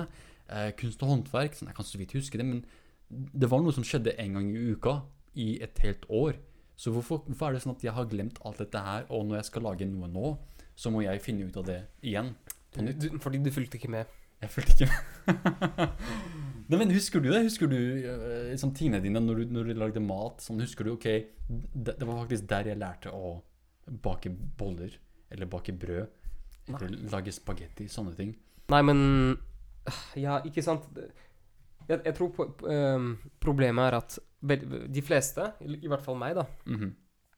uh, Jeg var ikke interessert i det på den tiden nei, der. Nei, nei, nei. Og vi, vi fikk liksom en oppskrift, og vi, skulle, vi var i grupper, og så skulle vi lage en rett, sant. Og så var det sånn ja, OK, la oss bare La oss bare gjøre dette ferdig. Spise det. Ta oppvasken, Mm. og så jetter vi. Så eh, Eh, så det var bare å gjennomføre det. Og sammen med kunst og, hånd, sånn kunst og håndverk. Det var en tulletime for meg. Jeg bare jeg, jeg kom dit og bare sånn «Eh, det, det, Du bare gjør noe greier med, med, med hendene. Jeg vet ikke, ass. Jeg, det bare, bare gjør noe bullshit. Og du, du, du får ikke karakterer på det uansett. mhm. Ok, kanskje du skal lage en sånn tregreie, men, Ja. men sånn hvis du ikke får det til Det er Ja. ingenting som skjer. Det er ingen som kommer til å skyte deg, liksom. Nei, nei. Så du bare prøver ditt beste. Det er en tulletime. Det er ikke noe, er ikke noe som du tar, tar seriøst i det hele tatt. Og derfor ble jeg aldri flink på disse tingene. Jeg ble Skjønner. aldri flink på disse tingene, fordi jeg tok det ikke seriøst. Jeg, jeg tok det ikke som en Som en Å, her skal jeg lære meg sløyd, liksom. Her skal jeg begynne eh, Jeg visste sånn eh, fuck, Jeg kommer aldri til å få bruk for det her, så jeg bare Jeg møtte opp, Mhm. brukte de maskinene, eh, prøvde å lage de beste Jeg husker ikke hva det var engang. Sverd? Balltre? Vi, Nei, lagde balltre. det var sånn type sånn. Vi lagde noen bok e- esker. Sånn Ja, esker, smykkeesker eller Ja. noe sånt. Um, jeg husker du kunne skrive ting på de med den derre brannmaskinen, ja. eller hva faen. Stålflammegreia. Flamethroweren. Uh, men, men ja, det i, I mitt hode så var det sånn Eh, det, det, er ikke, det er ikke en Det er bare en aktivitet. Det er ikke et fag. Riktig. Nei, men jeg tror i de tilfellene der så var det en veldig slu måte for skolen å sosialisere oss på, uten å fortelle oss at det er det som er poenget her. Fordi, hva tenk, Når du tenker på mat og helse, f.eks. Du, lager, du har en gruppe, dere lager mat sammen, dere spiser sammen, dere vasker opp sammen, og så går dere hver deres vei. Det er jo, det er jo, en, det er jo en middagsbesøk, nesten. Så de, de varmer Ja, men opp til også den det, det er en veldig viktig livsskill, Ja. sant? Absolutt. Men det, sånn, nå, nå, er jeg litt veldig, veldig veldig fordomsfull her, men når jeg tenker på folk som jeg har møtt i senere alder, da, som er liksom De bor for seg selv. Så, tenker, så, så ser jeg på måten de lager. Jeg tenker virkelig, er det dette du lever av? Hvordan er det mulig? Hvordan har du ikke daua allerede? Sånn, det, det er litt skummelt å se noen ganger også. At selv etter den utdanningen de fikk på barneskolen og videregående, så, så er det liksom Ja, de sp- spiser chips hver dag.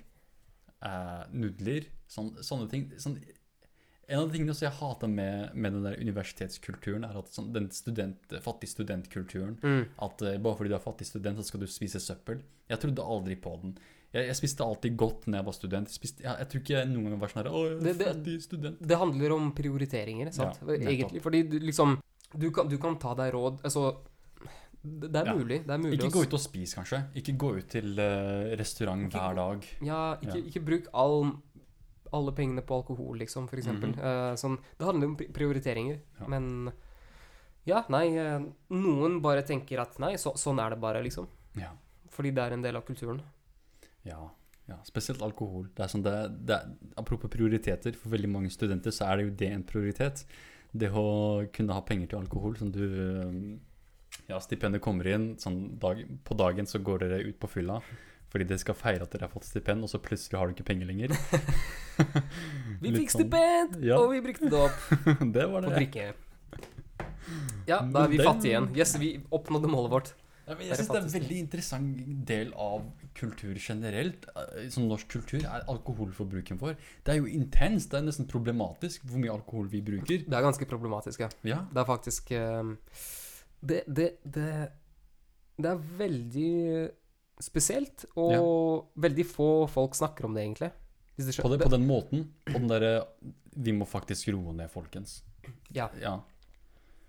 Det er mye, det er mye full. Det er mye full.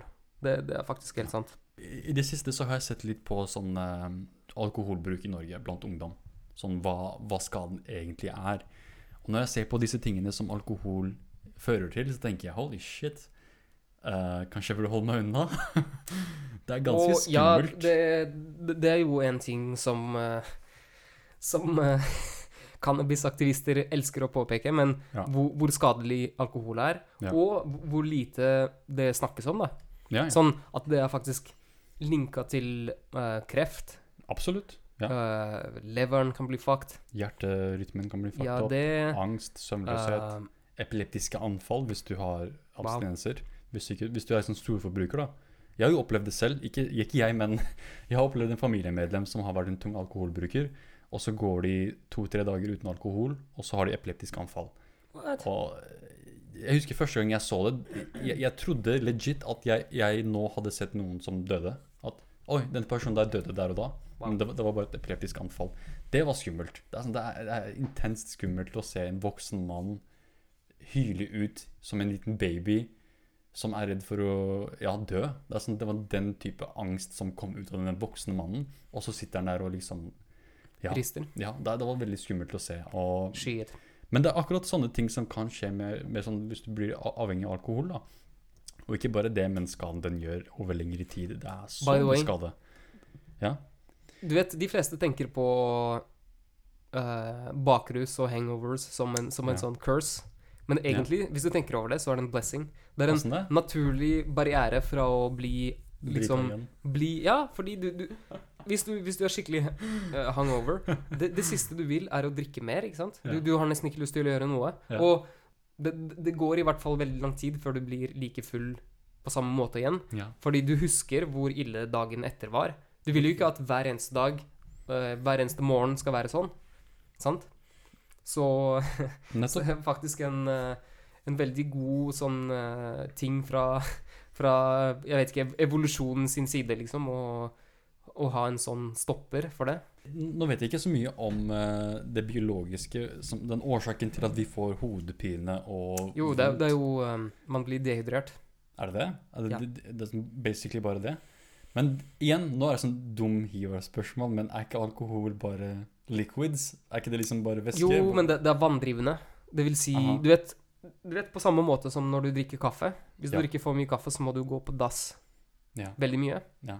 Og da Du blir nesten sjokkert. Sånn hvor Altså, jeg drakk ikke tilsvarende mengde Sånn hvis jeg drikker fem liter vann, Ja.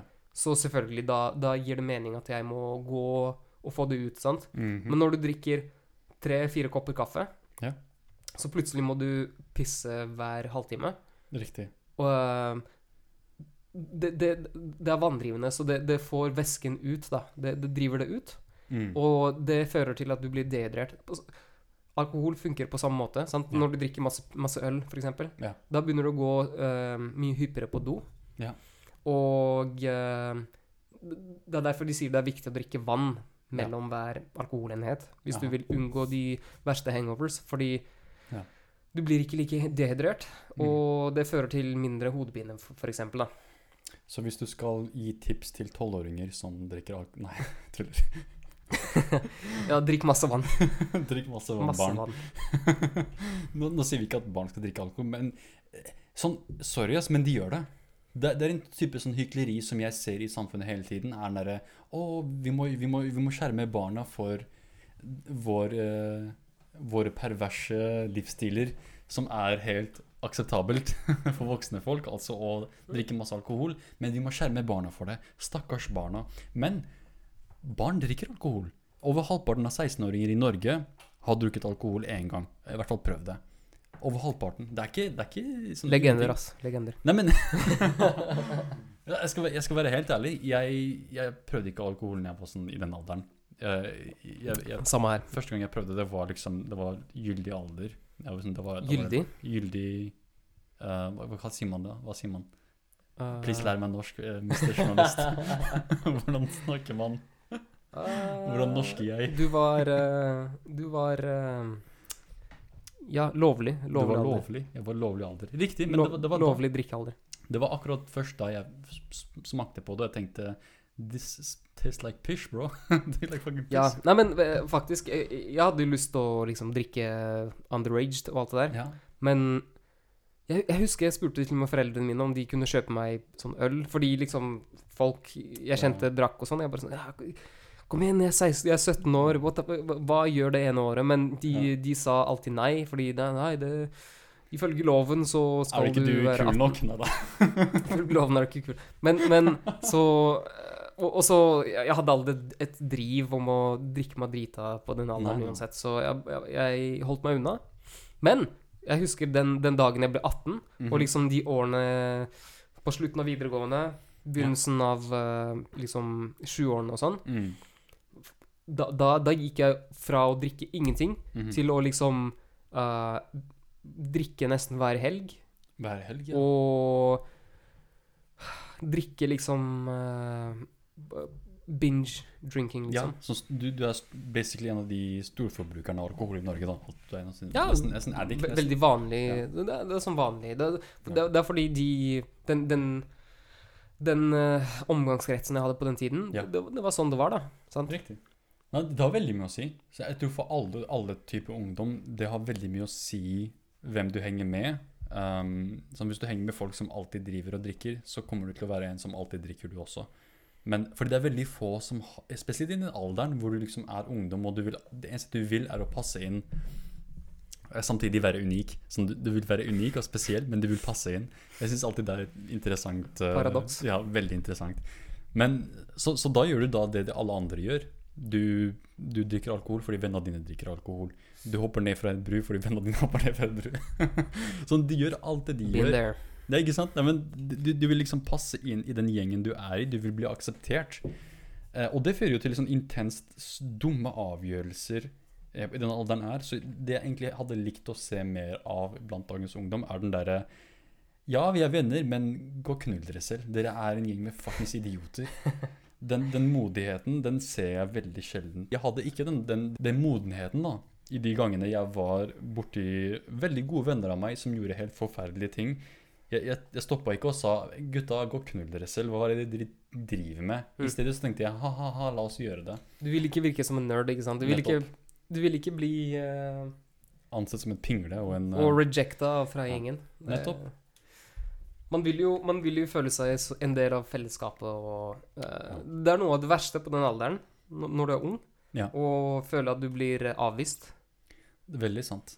Det, er- det er ganske sånn ensom følelse å eh, sånn, når, når du er alene, så er det greit. Du, liksom, du, du, er, det er den tilstanden du er i. Du er ensom, du er alene, du lever med det. Men når du også finner deg en gjeng, da, du finner liksom din, din, uh, din uh, tribe, så blir det litt vanskeligere å Det er et bra ord, Ja. forresten. Stamme. ja. En trestamme. Det er jo det, der det kommer fra. Ja, En stamme. Jo da, men, men igjen, du, du er redd for å liksom falle av den stammen. Da. Du vil liksom ikke eh, for Når du først finner en En Ja, ja, ting er å være alene, men når du finner en, så er det sånn Å, nå må jeg, nå må jeg gjøre alt jeg kan for å ikke Begge vi to er jo kjent med arbeidet til eh, Christopher, uh, Dr. Christopher Ryan. Ja, Uh, PHD. PhD. men men han, han har jo alltid snakka om dette her. Om Ja. at mennes, mennesker, ikke sant Vi selv, selv om vi har på en måte vært, eller levd i denne moderne ver verden i et, kanskje 100 år, Mm. 200 år, Ja. siden industriell revolusjon. Før det så var det føydalske system og alt det der. Ja. Men i, i, ja, i, i, kanskje 10, 10 000 år har vi hatt moderne sivilisasjon. Men mennesker i den formen vi er i dag, Mm. uh, har eksistert i i hvert fall 100 000 år, kanskje, kanskje, kanskje lenger. Som biologien vår, Og, eller ja, og, og, og ja. den, den, den biologien vi har, er, stammer egentlig fra den tiden der, Ja. ikke sant? Um, og det, det Vi er på en måte wired til den tilværelsen og leve i stammer, ikke sant? Ja. I små grupper. Ja. Små samfunn. Kommuner. Nesten. Ja. Vestby kommune. ja. Sør-Varanger kommune. Ja. Nei, men uh, leve i små samfunn, veldig tette samfunn, med Ja. tette bånd osv. Og, Ja. og det driver all menneskelig oppførsel, egentlig. Sånn hvordan vi har på en måte vært tilpassa til det over flere hundre tusen år. Mm. Sant? Ja. Og ja, det, det er masse av de, disse interne konfliktene som vi har med oss selv i dag, kommer fra dette med at samfunn har blitt for store, og vi har i Mm. tillegg internett og alt dette her. ja. Og vi er ikke skapt for det, rett og slett. Nei. Men det, det eh, nå, nå, nå har jeg veldig stor respekt for eh, Christopher Ryan, Chris Ryan, men PhD. PhD. um, og jeg, jeg er helt enig med det at eh, biologien vår er liksom Vi er formet etter å leve på en viss måte. Sånn En ting er biologien vår. Den andre, det andre er det sosiale. Hvordan vi eh, samhandler med andre, andre vesener som kommer fra vår genetikk. Nå, eh, men ja, eh, sånn det, det er en viss type oppførsel og en væremåte som er tilpasset til den biologien vi har. Men eh, vi har for, for en eller annen grunn Mange vil skylde det på uh, jordbruk, at vi, vi lærte oss å lage mat. At det på en måte gjorde at vi gikk i den retningen vi gikk i. Og det på en måte deraila hele det sosiale og gjorde at vi tvang oss inn i et hjørne som vi egentlig ikke var uh, lagd for. Men sånn, jeg, jeg respekterer det synet. Det synet han har om at uh, vi, vi passer ikke det samfunnet vi har laget. Det er, ikke, det er ikke egnet for oss. Men jeg tror på mange måter så er det faktisk det at vi, vi gikk den veien vi gikk fordi vi alltid var ment til å gå den veien vi gikk. Måten, måten ting gikk step by step, gjorde at vi, vi var alltid ment til å ende opp i et slikt samfunn som vi er i nå. Eh, men går det imot vår biologi? Absolutt. Men jeg tror løsningen i Chris Ryan sin eh, problematikk, da, det problemet han eh, foreslår Jeg tror løsningen ligger i det at vi har det samfunnet vi har i dag, men, på, men samtidig på samme måte så vender vi litt tilbake til biologien vår. At vi, vi, vi innser at det har faktisk veldig mye å si på hvordan vi oppfører oss. Det er den klassiske nature versus nurture. Sånn, er, det, er det måten du har blitt født på, eller sånn, genetikken din, eller er det uh, der du har vokst opp som avgjør hvordan du er som en person? Jeg tror i veldig mange tilfeller så er det sånn en miks, men jeg tror enda mer enn det så er det biologien. Jeg tror virkelig natur har veldig mye mer å si. Mm. Sånn, eh, og og jeg, jeg skjønner at det er veldig mange som er uenig, for det her er en klassisk sånn problemstilling som veldig mange har sterke meninger om.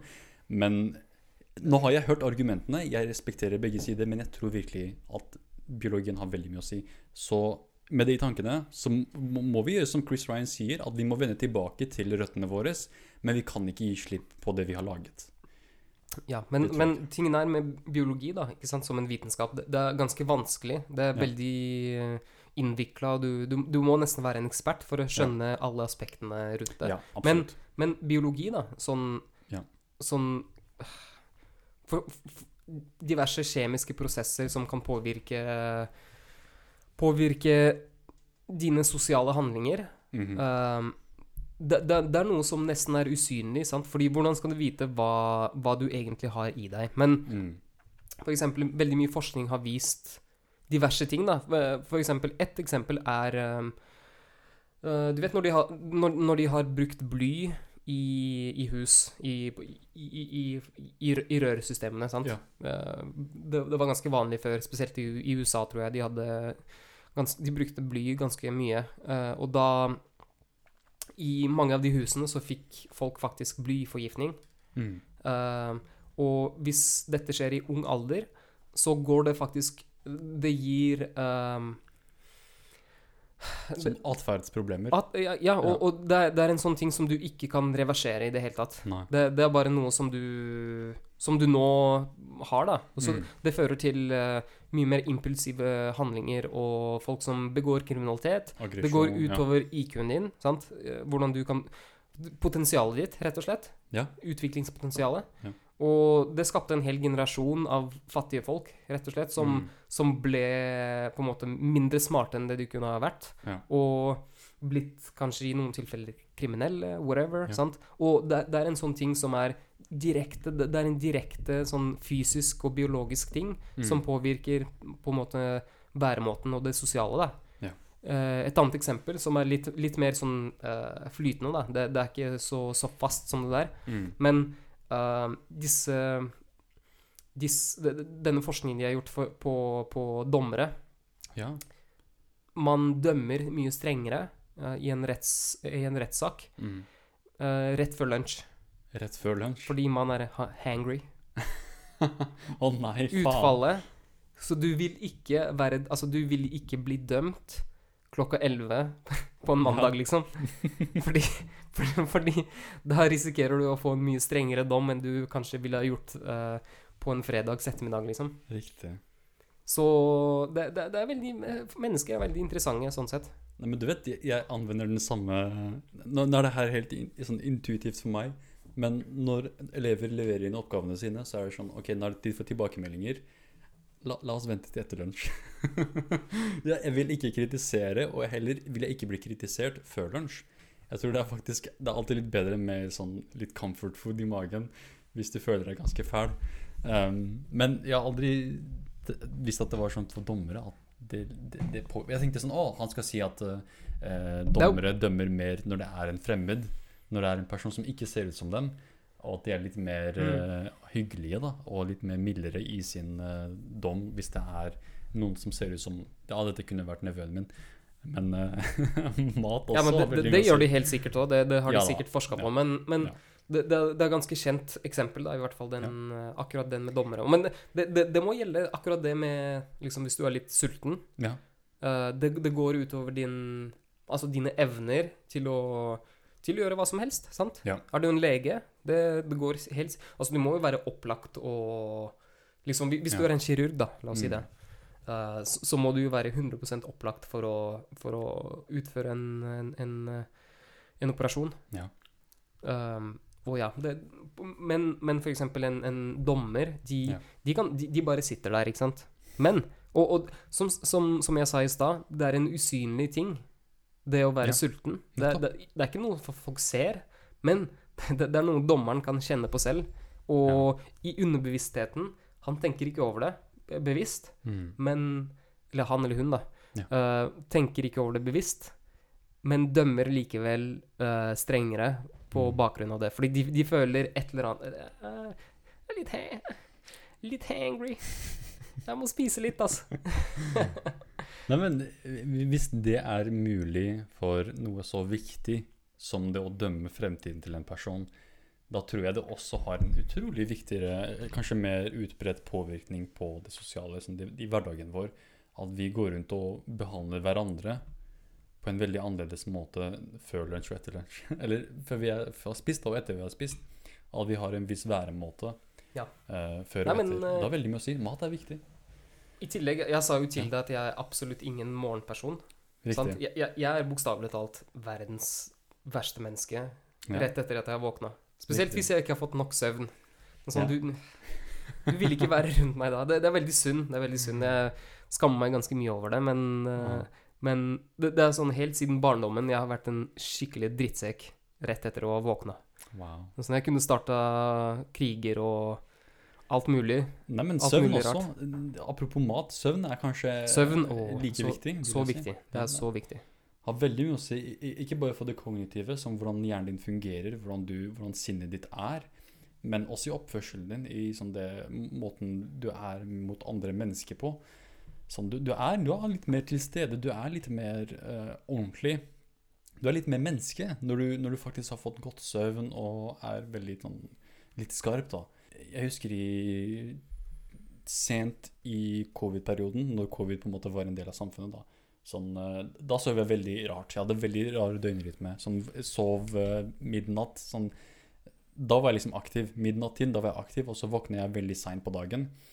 Um, og da var, jeg, da var jeg en forferdelig person. Så jeg var ikke produktiv i det hele tatt. Det sånn jeg, mye av det jeg gjorde, var bare en gjentagelse av ting jeg allerede visste. Det var, liksom, det var veldig Ja. lite utforskning av nye ideer. Rutine. Veldig mye rutine. Og en sånn ineffektiv rutine. Det var ikke en rutine som funket heller, men jeg, jeg gjentok denne rutinen likevel. Eh, blant annet i kunsten min var at mye av det kunsten min var bare en eh, repetisjon av noe jeg allerede hadde tegnet 100 ganger før. Men det var ikke før jeg satt foten ned og tenkte ok, eh, hvem er det jeg henger med? Hva, som nærmiljøet mitt, hva er det de gjør? Jo, de, de er akkurat som meg. De er oppe til midnatt sånn, eh, da dagen, de, dagen deres starter, dagen i gåseøyne. Eh, og så, de, så våkner de på sånn eh, to, tre, fire-perioden. Eh, ikke sant? Liksom, når du har de folka rundt deg, når ditt nærmiljø er på en viss måte, så, så kan du ikke du noe for.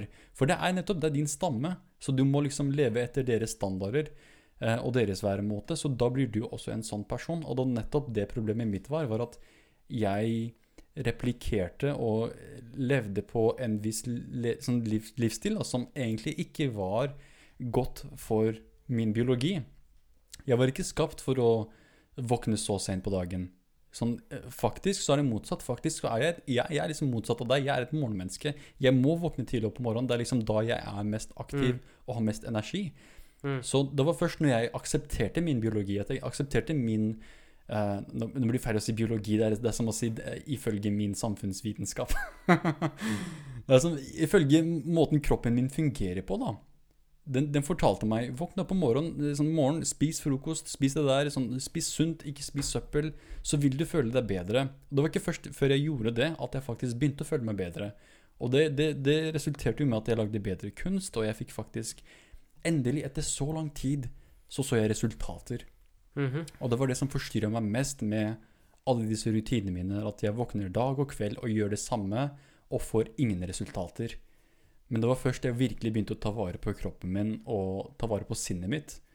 Eh, blant annet ved å roe ned rusbruken, som jeg Mm. var veldig involvert i. Og det liksom på en måte var med å tydeliggjøre for meg at ok, nå, nå, nå, er, nå er det på tide å ta vare, på, ta vare litt på deg selv. Og det resulterte jo med helt eh, ja, fantastiske ting, med at eh, jeg ble en flinkere person. Så det er veldig viktig. Eh, ikke bare hvordan man behandler seg selv, men også hvem, hvem man putter seg selv med. Hva slags folk du omringer deg selv med. Hvis du omringer deg med søppel, så blir du søppel.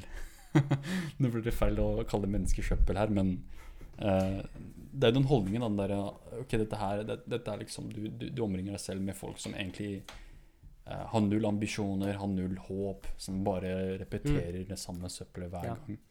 Men shit, en, en ting jeg har tenkt på mye i det siste det, Fordi du vet jeg La oss si Jeg, jeg ser litt på mine redaktører, ikke sant? Ja. Og vi, vi snakka litt om folk med høystatusyrker og, og ikke minst høy ehm, grad av eh, ansvar i jobben, sant? Som, som hva da? Hva, slags type yrker er det? Høy status og mye ansvar. Politikere, kanskje? Sånn, jeg Nei, men, jeg men, men vi, vi, vi snakker om leger, ikke sant? i- Ja, nettopp. nettopp ja, okay. Vi snakker om leger, Ja. for eksempel. Mm. Men, men jeg tenker sånn uansett øh, Folk som, folk som oppnår uh, slike posisjoner, da Riktig. øhm, Ja. ja, jeg begynte å reflektere mer om Fordi det er sånn Ja, hvordan, hvordan er det egentlig man kommer seg dit, og liksom Hva er det som skal til? Det, det er, jeg, jeg, jeg, jeg tenkte aldri på det før, men Mm. i det siste så tenkte jeg har jeg tenkt mye mer på hvor mye man må ofre, sånn i forhold til det å ha den, det du snakka om nå nettopp, med den, den livsstilen Mm. som matcher det. Fordi du må være så opplagt som mulig hver eneste fuckings dag til å, til å gjøre jobben og være på. Mm. uh, ta avgjørelser og alt dette her. Ja. Det vil si, du, du må Du må ha en god søvnrutine. Ja, ja, Du må spise, du må spise bra mat. Eh, helst. Altså, det er ikke alle som gjør det, men, men, men du, må, du må passe på det. Ja. Og du må gjerne kanskje også trene litt. Og Absolutt, liksom du, ja. du, du må rett og slett leve eh, veldig sunt, da. Du, bare må for å- leve litt som en neandertaler. For å Ja, men for, for, for å faktisk fungere på en optimal måte da, Ja. til, i forhold til jobben din. Og det, det, det der du, du kan på en måte, hvis du til og med, til og med sånn som jeg, journalist, kan, kan, Mm. kan bare på en måte gjøre hva man, vil, hva man vil, så lenge du møter opp på jobben, ikke sant? Ja. Så lenge du møter opp på jobben Mm. og klarer å levere det du skal, Mm. så er det greit. Men det blir plutselig en helt annen sak når du har masse ansvar. Ja. Og det, det, det er ganske interessant, syns jeg. Fordi, ja, jeg, jeg vet ikke om jeg kunne ha klart det, da. Å være disiplinert nok til å tenke i klokka ni ah, nå, nå klokka ni, nå, nå, nå burde jeg begynne å tenke på å legge meg, liksom. Mm. Sånn innen en time, halvannen time, så Mm. burde jeg sove. Jeg burde Ah. allerede sove, og fordi jeg skal opp klokka halv syv, sant? Ja. Ja. Og forberede meg for en dag med, med jobb, med masse ansvar. Jeg vet ikke om jeg kunne gjort det. Nei, men det er egentlig mitt argument med Chris Ryan sitt eh, perspektiv. Da, er at vi kan, vi kan leve etter de standardene han foreslår for oss. da, At vi bør se tilbake til røttene våre, som hva mennesket er. Og prøve å forstå oss selv på en måte som, som gjør at vi kan ha, leve et bedre liv. For det er det som er, poenget hans til slutt. da, Hvordan kan vi leve et bedre liv? Og måten å gjøre det på er noe så enkelt som å leve sunt. Sånn, for vi er ment å vi er ikke ment til å putte oss alle disse kjemikaliene og disse, dette, dette søppelet vi putter oss i, i oss. Disse burgerne, disse McDonald's-burgerne, disse fastfooden, sånn usunn mat f.eks. Sånn enkel, rask mat versus det som faktisk er sunt. Uh, og, og bare den chasen, den der, det må liksom sitte lenge og, og, forberede maten, det blir nesten som å jakte. Alltid på en måte, Du strever Du strever etter å få belønningen din. Da. Sånn, det, skal, det skal være Det er derfor de sier at mat som du lager selv, smaker godt for en eller annen grunn, selv om det egentlig ikke er det. Fordi du har, du har puttet energien din i det. Det føles litt mer eh, belønningsverdig. Sånn, det smaker Hva, litt bedre. hva var det du sa i stad om god hummus? Uh, hva mener du? Ja, det, det, det smaker ikke bra med mindre man har masse hår og, Og og tårer og svetter. Men det samme er det jo med, med de burgerne man lager. Det, det smaker litt bedre nettopp fordi man har, putta, man har lagd det selv. Det, Ja. føles litt mer autentisk. Og man, ikke bare det, men mer enn bare å putte to brødstykker sammen og så et lite kjøtt midt imellom. Selv det, for noen, så smaker det digg. Og jeg, jeg ser på det og tenker bro, vi, ikke spis det der, faen kast det. Men de tenker, de tenker på det er godt, hva snakker du om? Eh, men for dem så smaker det digg fordi de lagde det. Fordi det som, de føler at det er, det er verdt det. Shade! Shade! Nei, men nå er jeg veldig arrogant, fordi jeg- føler at burgerne mine er liksom er Ja, så gode. Se på deg, du er så jævlig el elitist. Ja, burgerelitist.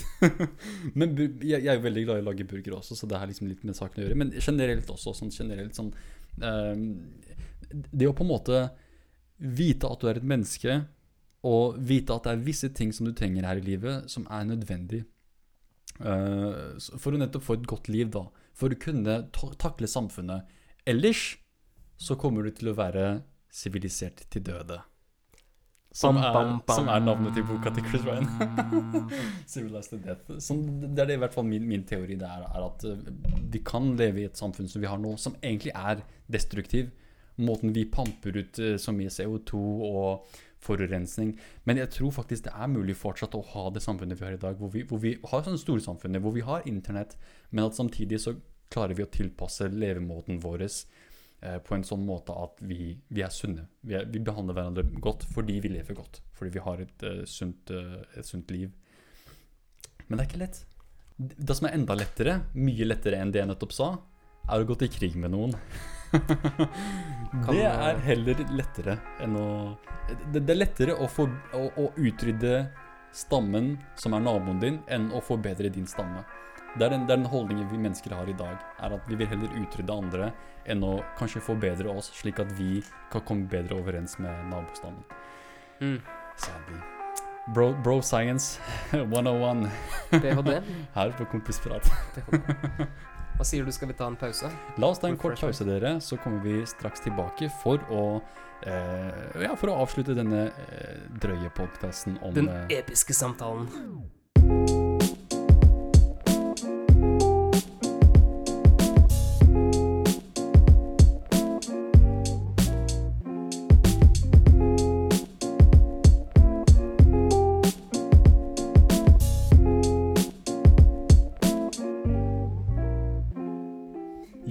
Da er vi tilbake.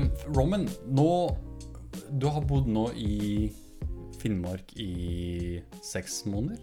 Syv måneder? Syv. Syv måneder. Så, hva, hva er holdningen din nå? Fordi én ting er den holdningen du hadde før du kom hit, hvor det var sånn herre Oslo is the best, no protest.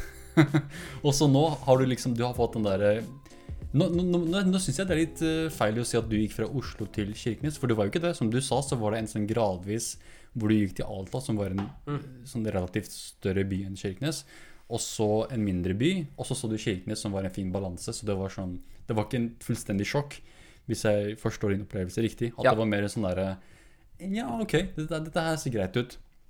Men nå har du bodd her i syv måneder. Hvis du skal tenke på andre som kanskje fortsatt er i Oslo og har den derre Oslo is the best, no protest-holdningen, de også. Hva, hva er din sånn eh, Ditt budskap til folk som ikke tør å steppe ut av sin komfortsone, som er noe, en sånn veldig sentral by? Mm. Nei, men for det første, én ting er jo liksom Hvis du faktisk har arbeid og Ja. eh, Sant. Noe Ja. som du trives med i Oslo, sant? Ja. At du ikke bare eksisterer der. Så nest, altså det, det er ikke noe grunn å flytte da. Fordi du har hele din ditt nettverk, kanskje også familie, i Oslo. Ja. Så hvorfor skal du flytte bare for, bare for å flytte? Jeg, jeg skjønner Mm. at folk blir, ikke sant? Ja.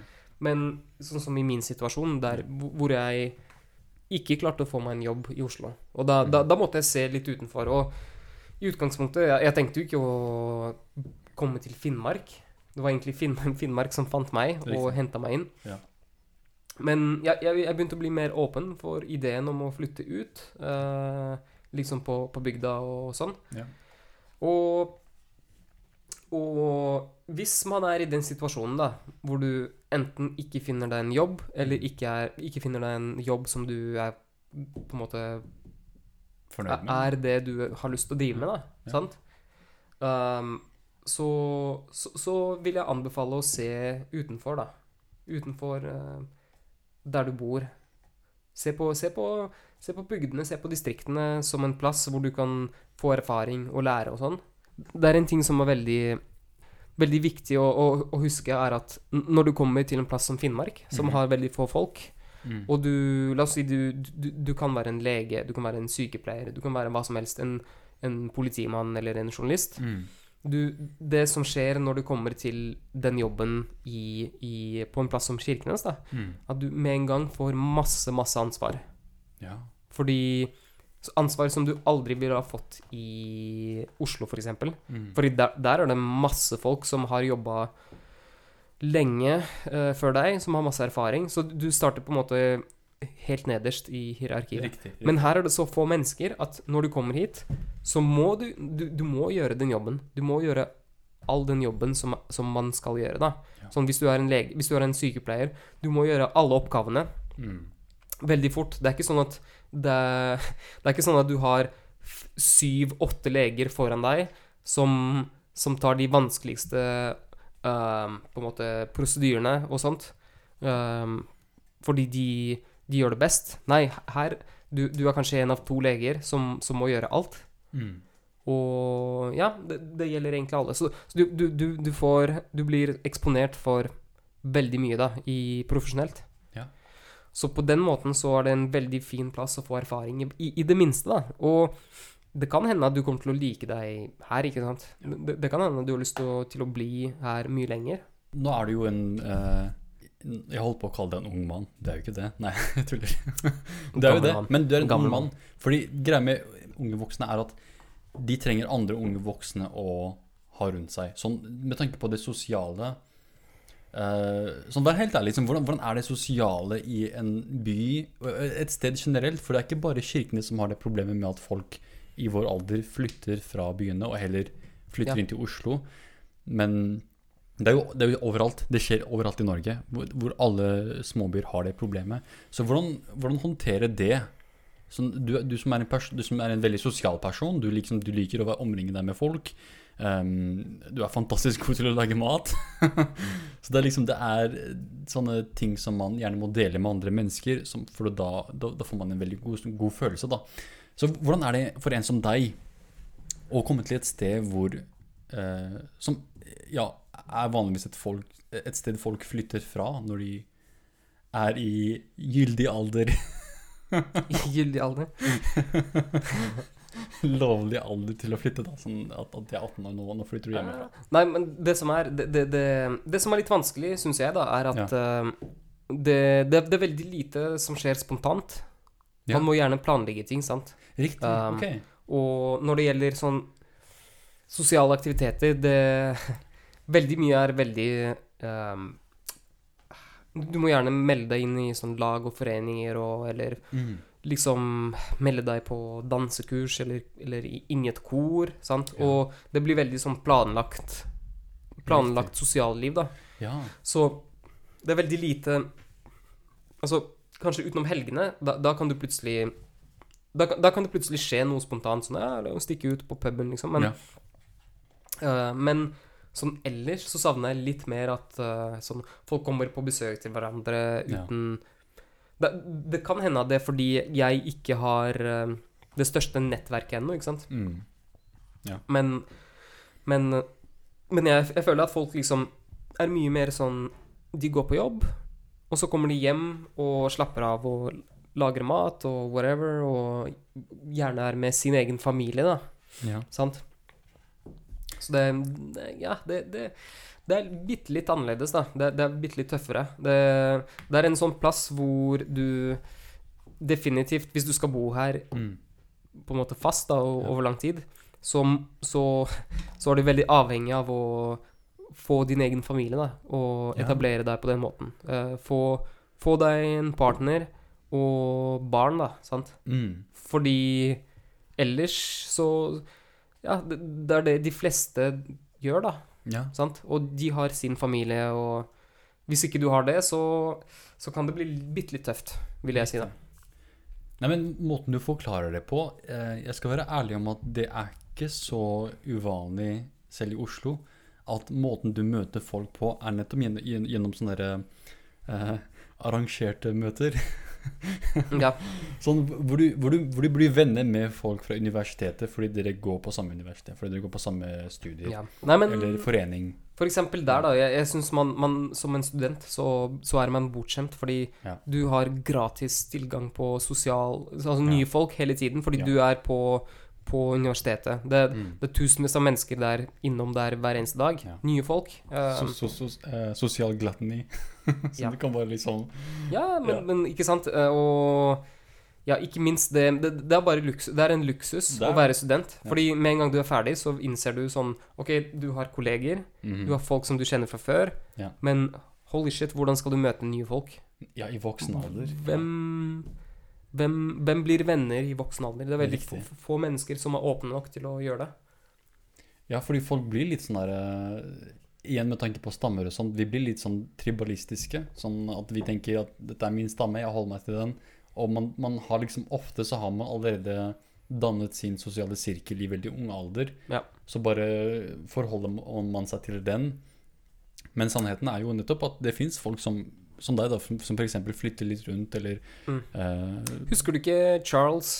På, på studiet. Ja, en av våre lærer, Charles S., som, Fra USA? Uh, ja, filosofilærer for medievitenskap. Uh, Shout-out. Shout-out. han, uh, han, han sa jo det ja. Han hadde en observasjon om nordmenn, sånn at vi Vi har en tendens til å få våre nærmeste venner på barneskolen. Nettopp, ja. Barneskolen og ungdomsskolen og sånn. Og det er de man beholder livet ut. Ja.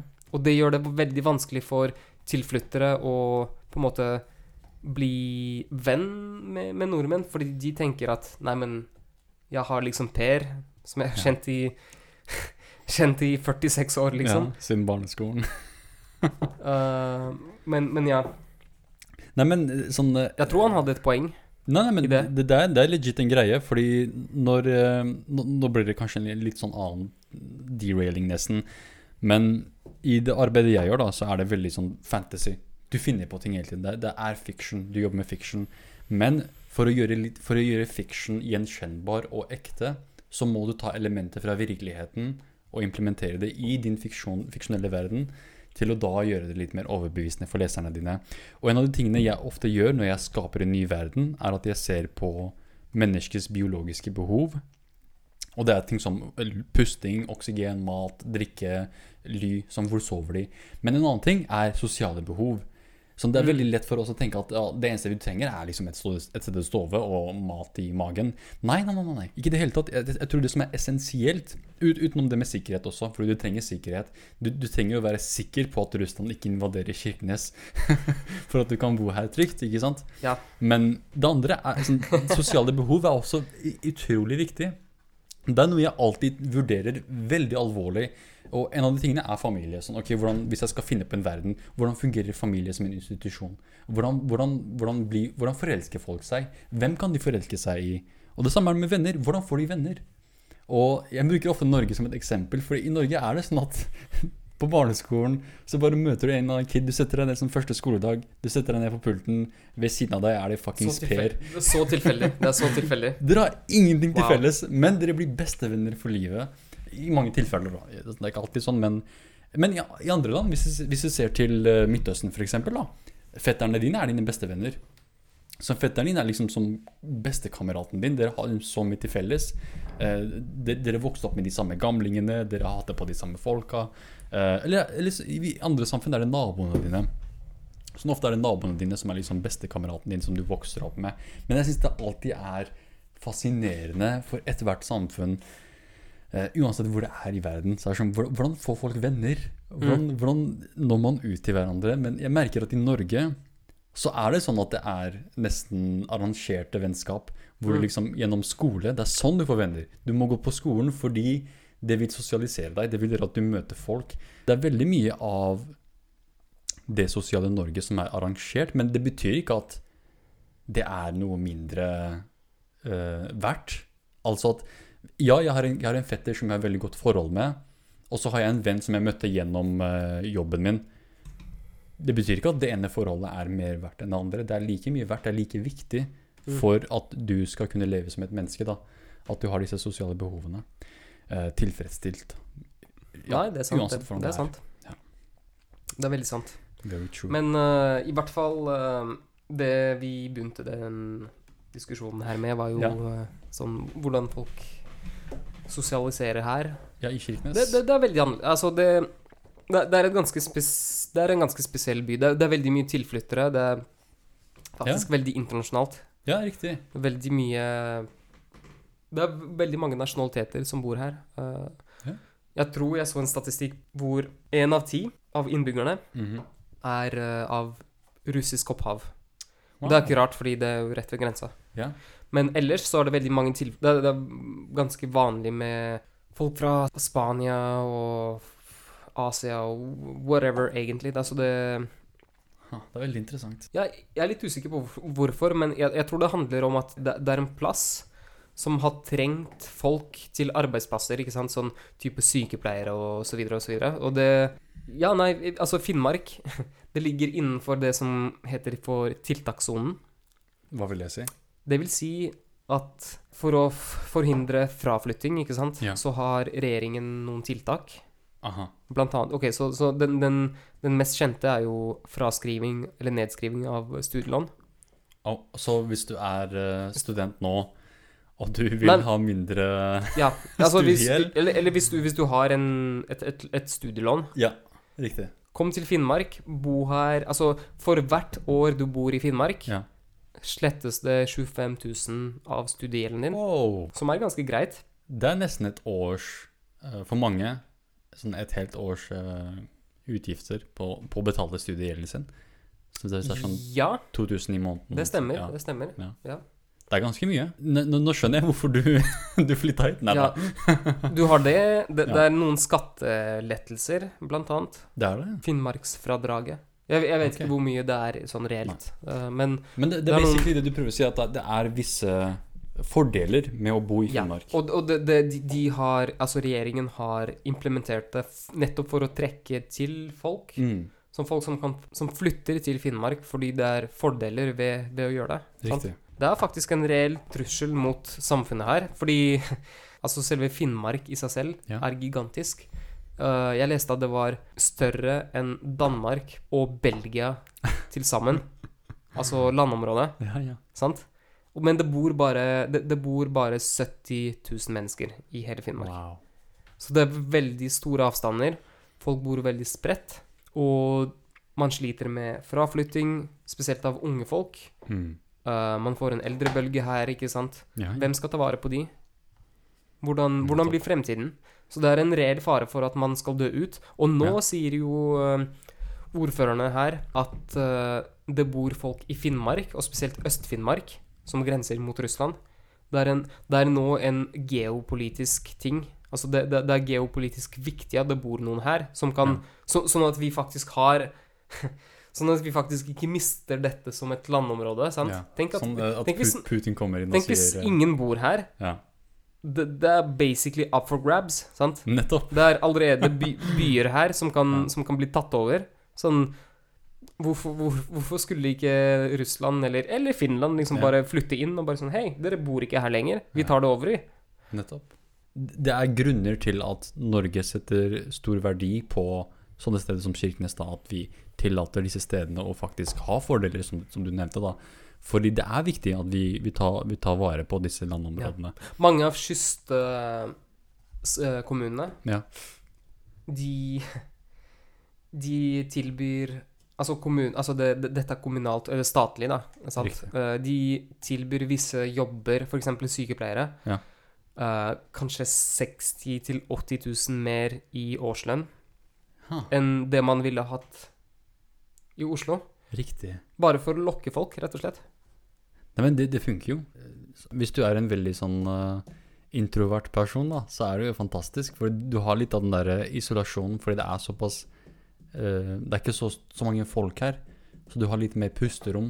Hvis du er en person som blir liksom litt, litt slitsom da, av å være omringet av folk hele tiden, så er Oslo et sånn mareritt. Selv om igjen, det er ikke en veldig stor by i forhold til andre storbyer i Europa, i Eu Eu Europa men likevel, liksom, selv jeg, jeg kan huske det mange tilfeller hvor jeg liksom nesten mista pusten av å bare være i toget. Sånn ah, dette her er for mye, det er for mange folk, jeg, jeg, jeg takler ikke dette her. Uh, så for sånne folk så kan Finnmark være det perfekte stedet hvor du Absolutt. har en fin balanse. Ja. Definitivt. Men du, det er utrolig mye som jeg syns er utrolig fascinerende med, med Finnmark. Annet det siste vi nevnte her med, med politikken og fordelene og sånt. Og spesielt demokrati. Sånn Finnmarks um, rolle i det norske demokratiet, det syns jeg er noe som Det, det er et tema jeg gjerne vil utforske og lære mer om. Så, men eh, før vi avslutter her, Roman, er det et sted folk kan finne deg og lære mer om deg og eh, følge med på hva som skjer i livet ditt? How you doing, Instagram? Nei, uh, shit, jeg vet ikke. Bare kom Ja, Er Instagram eh, noe du inviterer folk til? Sånn Hvis de har lyst til å sjekke det ut, bare søk på Prokopenko. Prokopenko. Prokopenko. Ok. Hvis ikke dere ønsker å følge meg der eh, Ja, nei, eh, kjøp tilgang til ifinnmark.no. Ja. Kjøp dere plusstilgang. Les artiklene mine. Uh, Ja, du er en dere veldig- får uh, dere får tilgang til all, alle Amedia-avisene mm. ved å gjøre det. Så hvis Ja. du sitter i Oslo, kan du lese Avisa Oslo, du kan lese i Finnmark, du kan lese Nordlys, du kan lese Altapost, eller Vestby Avis. Vestby Avis, Ja. Share-out Moss Avis, Ja. Uh, og så videre og så videre. Ja, det er ganske sweet. Det er ganske sweet. Det, det systemet Eh, dere har i Amedia, er ganske sweet. Men eh, ja. Ja. That's where you Men find me. Heftig. Eh, og for eh, din hårete host så vil jeg anbefale eh, å gå inn på outland.no og finn Rakan volum 3, fordi da kommer jeg ut med mitt nyeste kapittel, som også er mitt beste hittil. Prø, Ikke for å skryte, men, men, for å skryte. Det er et av mine beste hittil. skirt, skirt. Skirt, skirt, indeed. Uh, det er faktisk noe vi må diskutere en dag. Hva faen betyr skirt, skirt? skirt, skirt. og pra, pra? Hva, hva er disse tingene Eh, betyr. Eh, men sjekk det ut. Eh, støtt norsk manga. Så takk for oss. Dette var Hivar og Roman. Peace. Yeah. Peace.